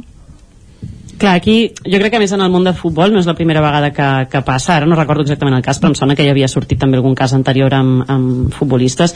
Jo crec que hi ha una, una doble, doble història, mira, no? Una és aquestes sentències judicials que realment moltes són vergonyoses, ara mateix com deies, no? El fet de que un no pugui dir-li l'altre, escolta, això no, no es fa, és quasi com omissió de socorro, eh? Vull dir que que no, no rebis cap tipus de, de, de pena, d'imposició, tot i haver permès una situació així, crec que ja tenim un problema judicial a l'hora de les sentències eh, que fan referència a tota la temàtica d'abusos, que ja ens hauríem de fer mirar. Però el problema va més enllà, quan a més a més de tenir aquestes sentències que, que en, molt cas, en molts casos són, són disparatades, et trobes que els mitjans de comunicació fan aquests titulars, com bé deies, on mm, quasi que el, el la víctima sembla el pobre futbolista que la seva carrera eh, no podrà seguir de la mateixa manera no? perdona, és que o sigui, d'una banda no, que per ser de, fer, de ser futbolista ja quedes totalment com, com si tinguessis com si estiguessis salvat de la justícia no? i després aquests titulars on la víctima o sigui, perden totalment el nord de qui és la víctima no? o aquells altres titulars que anuncien el, eh, això, no? el com, que parlen de com anava, anava vestida, si anava sola, no anava sola i d'aquests casos n'hem trobat molts no? no sé Susana, tu sí Sí, clar, jo no sé què és més sorprenent si que es facin aquests titulars, que en teoria no, han de passar una revisió, diguéssim, perquè hi ha la persona que escriu l'article, però després tot això ha de passar per, per una supervisió i que ningú se n'adoni d'aquest titular, no? És a dir, que tothom allà en aquella redacció estigui d'acord en que aquell titular és així i aquella és la notícia, quan en veritat la notícia e, és totalment una altra, no? I, i després, clar, bueno, també no sé si, si ja es fan titulars de, de tipus per, per fer clic, no? i tenir més visites i, i si poses a, a un futbolista ja d'entrada al titular ja tindrà més clics, no? segurament, que si encara és la notícia totalment al contrari. Uh -huh. uh, ara us explicaré després uh, altres, altres casos eh, de, de titulars i d'informacions al voltant d'esportistes, de, però encara amb el cas aquest relacionat d'en de, Santi Mina, més enllà d'aquests titulars també hi ha hagut fortes protestes del moviment feminista gallec perquè els fets es van produir el 2017 i ja van sortir la llum poc després arran de la denúncia uh, i el futbolista va fitxar pel Celta de Vigo, uh, que és el club on ja s'havia format de petit el juliol del 2019, per tant l'existència d'una investigació contra ell ja era coneguda pel club i per tant uh, les feministes consideren que van ser còmplices còmplices i que l'haurien d'haver apartat de la banqueta de, doncs de, de l'equip un cop va començar el, el judici, per això que dèiem, eh, perquè eh, tenen clar que els clubs de futbol articulen una gran comunitat de, de gent, que hi ha molts nens doncs, que, que s'ho miren i per tant els, mig, els missatges que ells donen eh, o que permeten que passin als seus camps tenen una gran eh, repercussió. I en aquest sentit eh, volia recordar un, uns cans, eh, casos eh, doncs, que han passat en, en camps de, de futbol i que, i que clamen al cel, per exemple eh, doncs, eh, en ple rugit feminista contra l'agressió del Sant Fermín és del 2016, els ultres del Sevilla van desplegar una pancarta de suport a un dels agressors de la manada. També l'afició del Betis va donar suport a un maltractador amb crits de «Era una puta, lo hiciste bien». L'Espanyol va permetre l'exhibició de cartells durant un partit amb el Barça on es podia llegir «Shakira de todos» i aquest eh, mateix any, al febrer, feia públic un àudio de l'entrenador del Rayo femení que animava el seu cos tècnic a fer com els de l'Arandina, que recordem que van ser doncs, un grup de jugadors que van abusar sexualment d'una menor. Per tant, eh, això que dèiem, eh, tant el missatge que es llença des dels mitjans com els propis clubs eh, doncs encobrint-los o, o no prenent decisions valentes com després permetent eh, doncs, totes aquestes salvatjades que passen als camps de, fut de futbol no?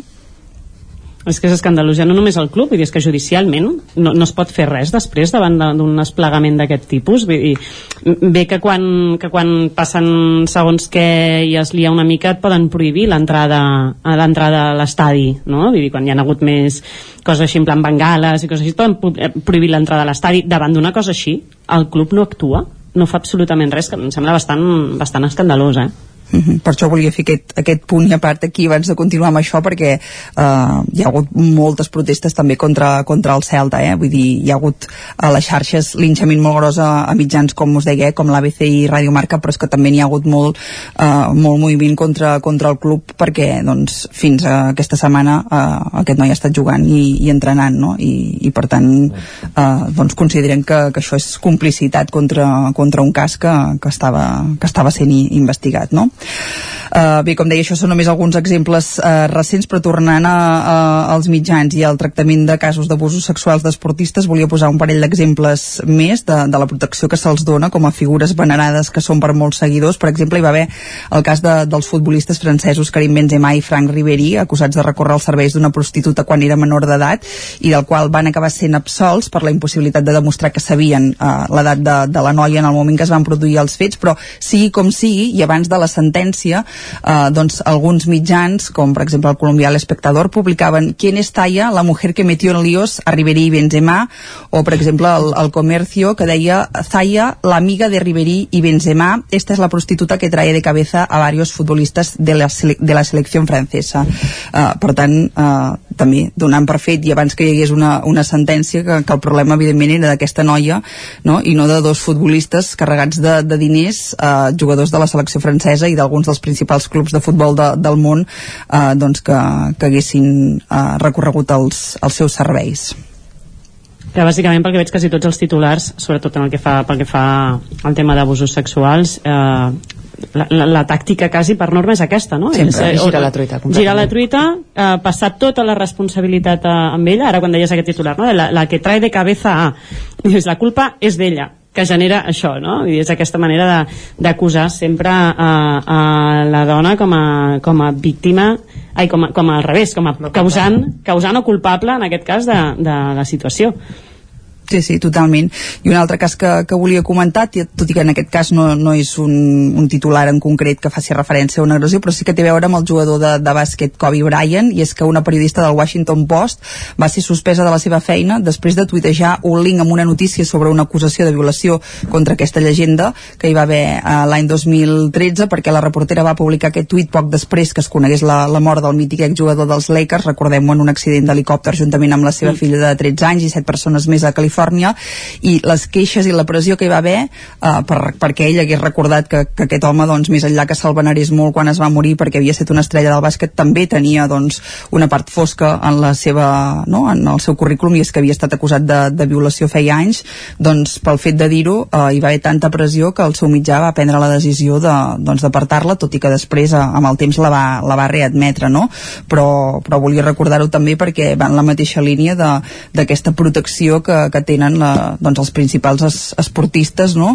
I, que, i que sempre que han estat envoltats en casos d'abusos eh, i, de, i de violacions sempre han acabat sent víctimes i sempre eh, eh, s'ha acabat doncs, culpabilitzant la, en, en aquests casos que, que, que dèiem al principi eh, la víctima o en aquest últim una periodista que fins i tot va estar suspesa de la seva feina per haver recordat que més enllà d'una llegenda del bàsquet eh, doncs també havia estat un violador Clar, el que sí que trobo és que a nivell de premsa en general, o sigui, sí que ja et trobes moltes vegades aquests titulars no? que, que amaguen doncs, aquests, aquesta visió tergiversada de, de la realitat, però pel que ens estàs explicant, eh, amb el cas de la premsa esportiva, és que és com super exagerat, no? I, eh, va molt més enllà Sí, sí, totalment i, i, i és així perquè um, també passa, només cal entrar no? en alguns uh, mitjans esportius uh, sobretot a la part digital, a la part de paper no tal, no? però en la digital uh, doncs també totes les notícies que hi ha sobre les dones dels esportistes uh, i que si ara s'ha fet una foto en biquini uh, o ara s'han anat a, a no sé on uh, són absolutament denigrants i això és el pa de cada dia i en el, la majoria de, de mitjans esportius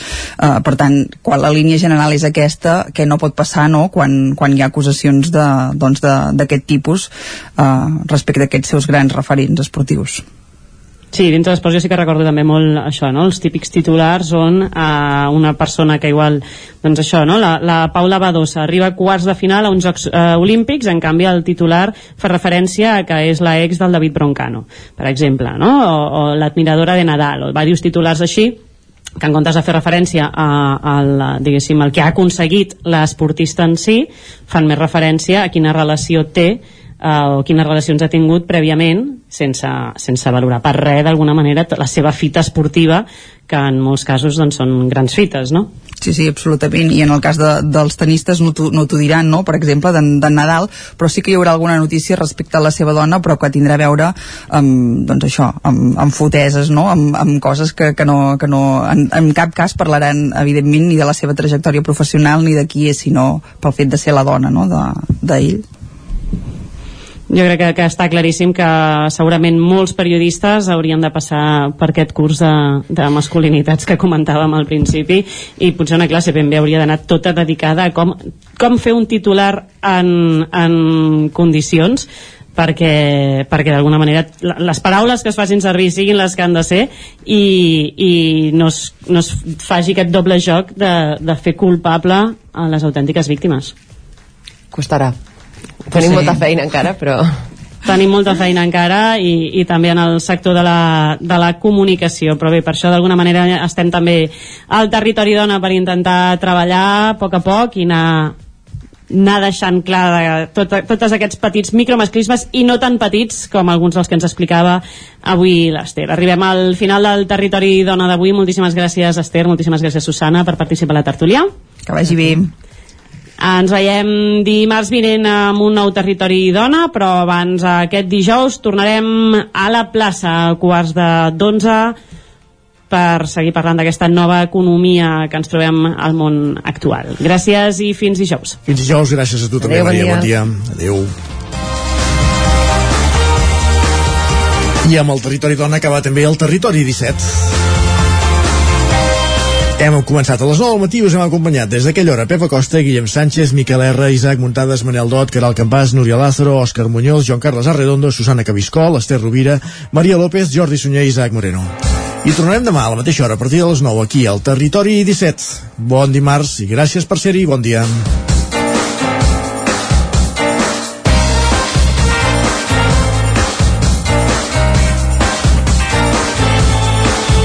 Territori 17 un magazín del nou FM. La veu de Sant Joan, Ona Codinenca i Ràdio Cardedeu amb el suport de la xarxa. El nou FM